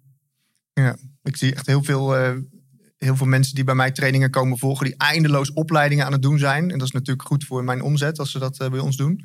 Maar eh, ik zeg altijd: begin gewoon. Weet je, ga, hang een flyer op in het buurthuis en begin gewoon, ga gewoon met mensen praten. Want daar ga je het leren. En eerst één op één. Ik heb het meeste geleerd, verreweg het meeste geleerd als coach. Als één op één sessies te doen en Ja. het hele land door te rijden. En eh, dat was echt mijn grootste leerschool. Ja, ik denk dat. Ja, en het is super cliché om te zeggen natuurlijk, maar wel echt. Ik denk dat mensen hebben echt behoefte aan mensen die zichzelf zijn. Eh, en niet aan. ik zie tegenwoordig heel veel van die mensen die willen Anthony Robbins zijn. Eh, of ze willen Remco Klaassen zijn, als we de Nederlandse variant hoeven te pakken. Mhm. En, eh, maar ik denk dat. ik wilde toen ik net begon ook Richard Bentler zijn. Niet omdat hij mijn idool was, maar omdat het het enige referentie was die ik had. Ja. En ik denk dat als je ontdekt wie jij bent en dat jouw verhaal leuk genoeg is om te vertellen voor een groep mensen, hè, dan er zijn altijd mensen zoals jij te vinden. En eh, mensen die, als jij een bepaalde zwakheden hebt overwonnen, of onzekerheden, of kwetsbaarheden, of eh, moeilijkheden, en eh, je kan daarover praten, ik denk dat mensen daar altijd door geïnspireerd raken. Dat, je ziet dat ook als je goed gaat luisteren, zie je ook bij al die grote sprekers, zie je dat ze eerst door shit heen zijn gegaan. En dat ze praten over die shit waar ze doorheen zijn gegaan. En al is die shit voor jou nog zo onbeduidend en vanzelfsprekend, voor andere mensen kan het soms enorm inspirerend zijn, is mijn ervaring. Ja, dat de dingen die ik vroeger het liefst verborgen hield, uh, moeilijkheden in mijn puberteit bijvoorbeeld, weet je, dat wilde ik niet laten zien aan de buitenkant. Staat ook niet in dat eerste boek. Maar als ik het opnieuw zou schrijven, zou ik dat verhaal vertellen. Staat inmiddels wel op de website. Weet je, ik denk mensen vinden dat interessant. Houden van echte mensen. Mooi. Mensen die zichzelf zijn. Ja. Robin, dankjewel om uh, de echte jij te zijn in dit gesprek. Ja, graag gedaan man. Bedankt voor het gesprek. Hallo lieve luisteraar, je bent aan het einde gekomen van deze aflevering en ik wil jou heel erg bedanken voor het luisteren. Ook de gast van deze aflevering wil ik van harte bedanken voor alle waardevolle inzichten. En vond jij het nu ook een waardevolle aflevering? Laat me dat dan weten. Maak even een connectie aan via LinkedIn. En als je dat wilt, waardeer ik het enorm als je een review wilt achterlaten op je favoriete podcast-app. Dat helpt namelijk om de zichtbaarheid te vergroten, zodat we samen korte metten maken met plankenkoorts en leren spreken met meer impact.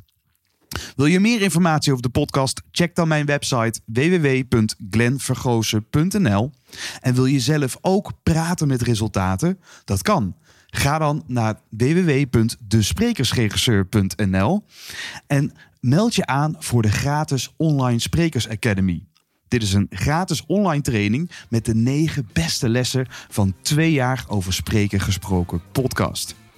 De missie van de Over Spreken gesproken podcast is om jou te helpen je stem te vinden, zodat jij anderen kunt inspireren datzelfde te doen. Ik wil je heel erg bedanken voor het luisteren en graag tot de volgende aflevering.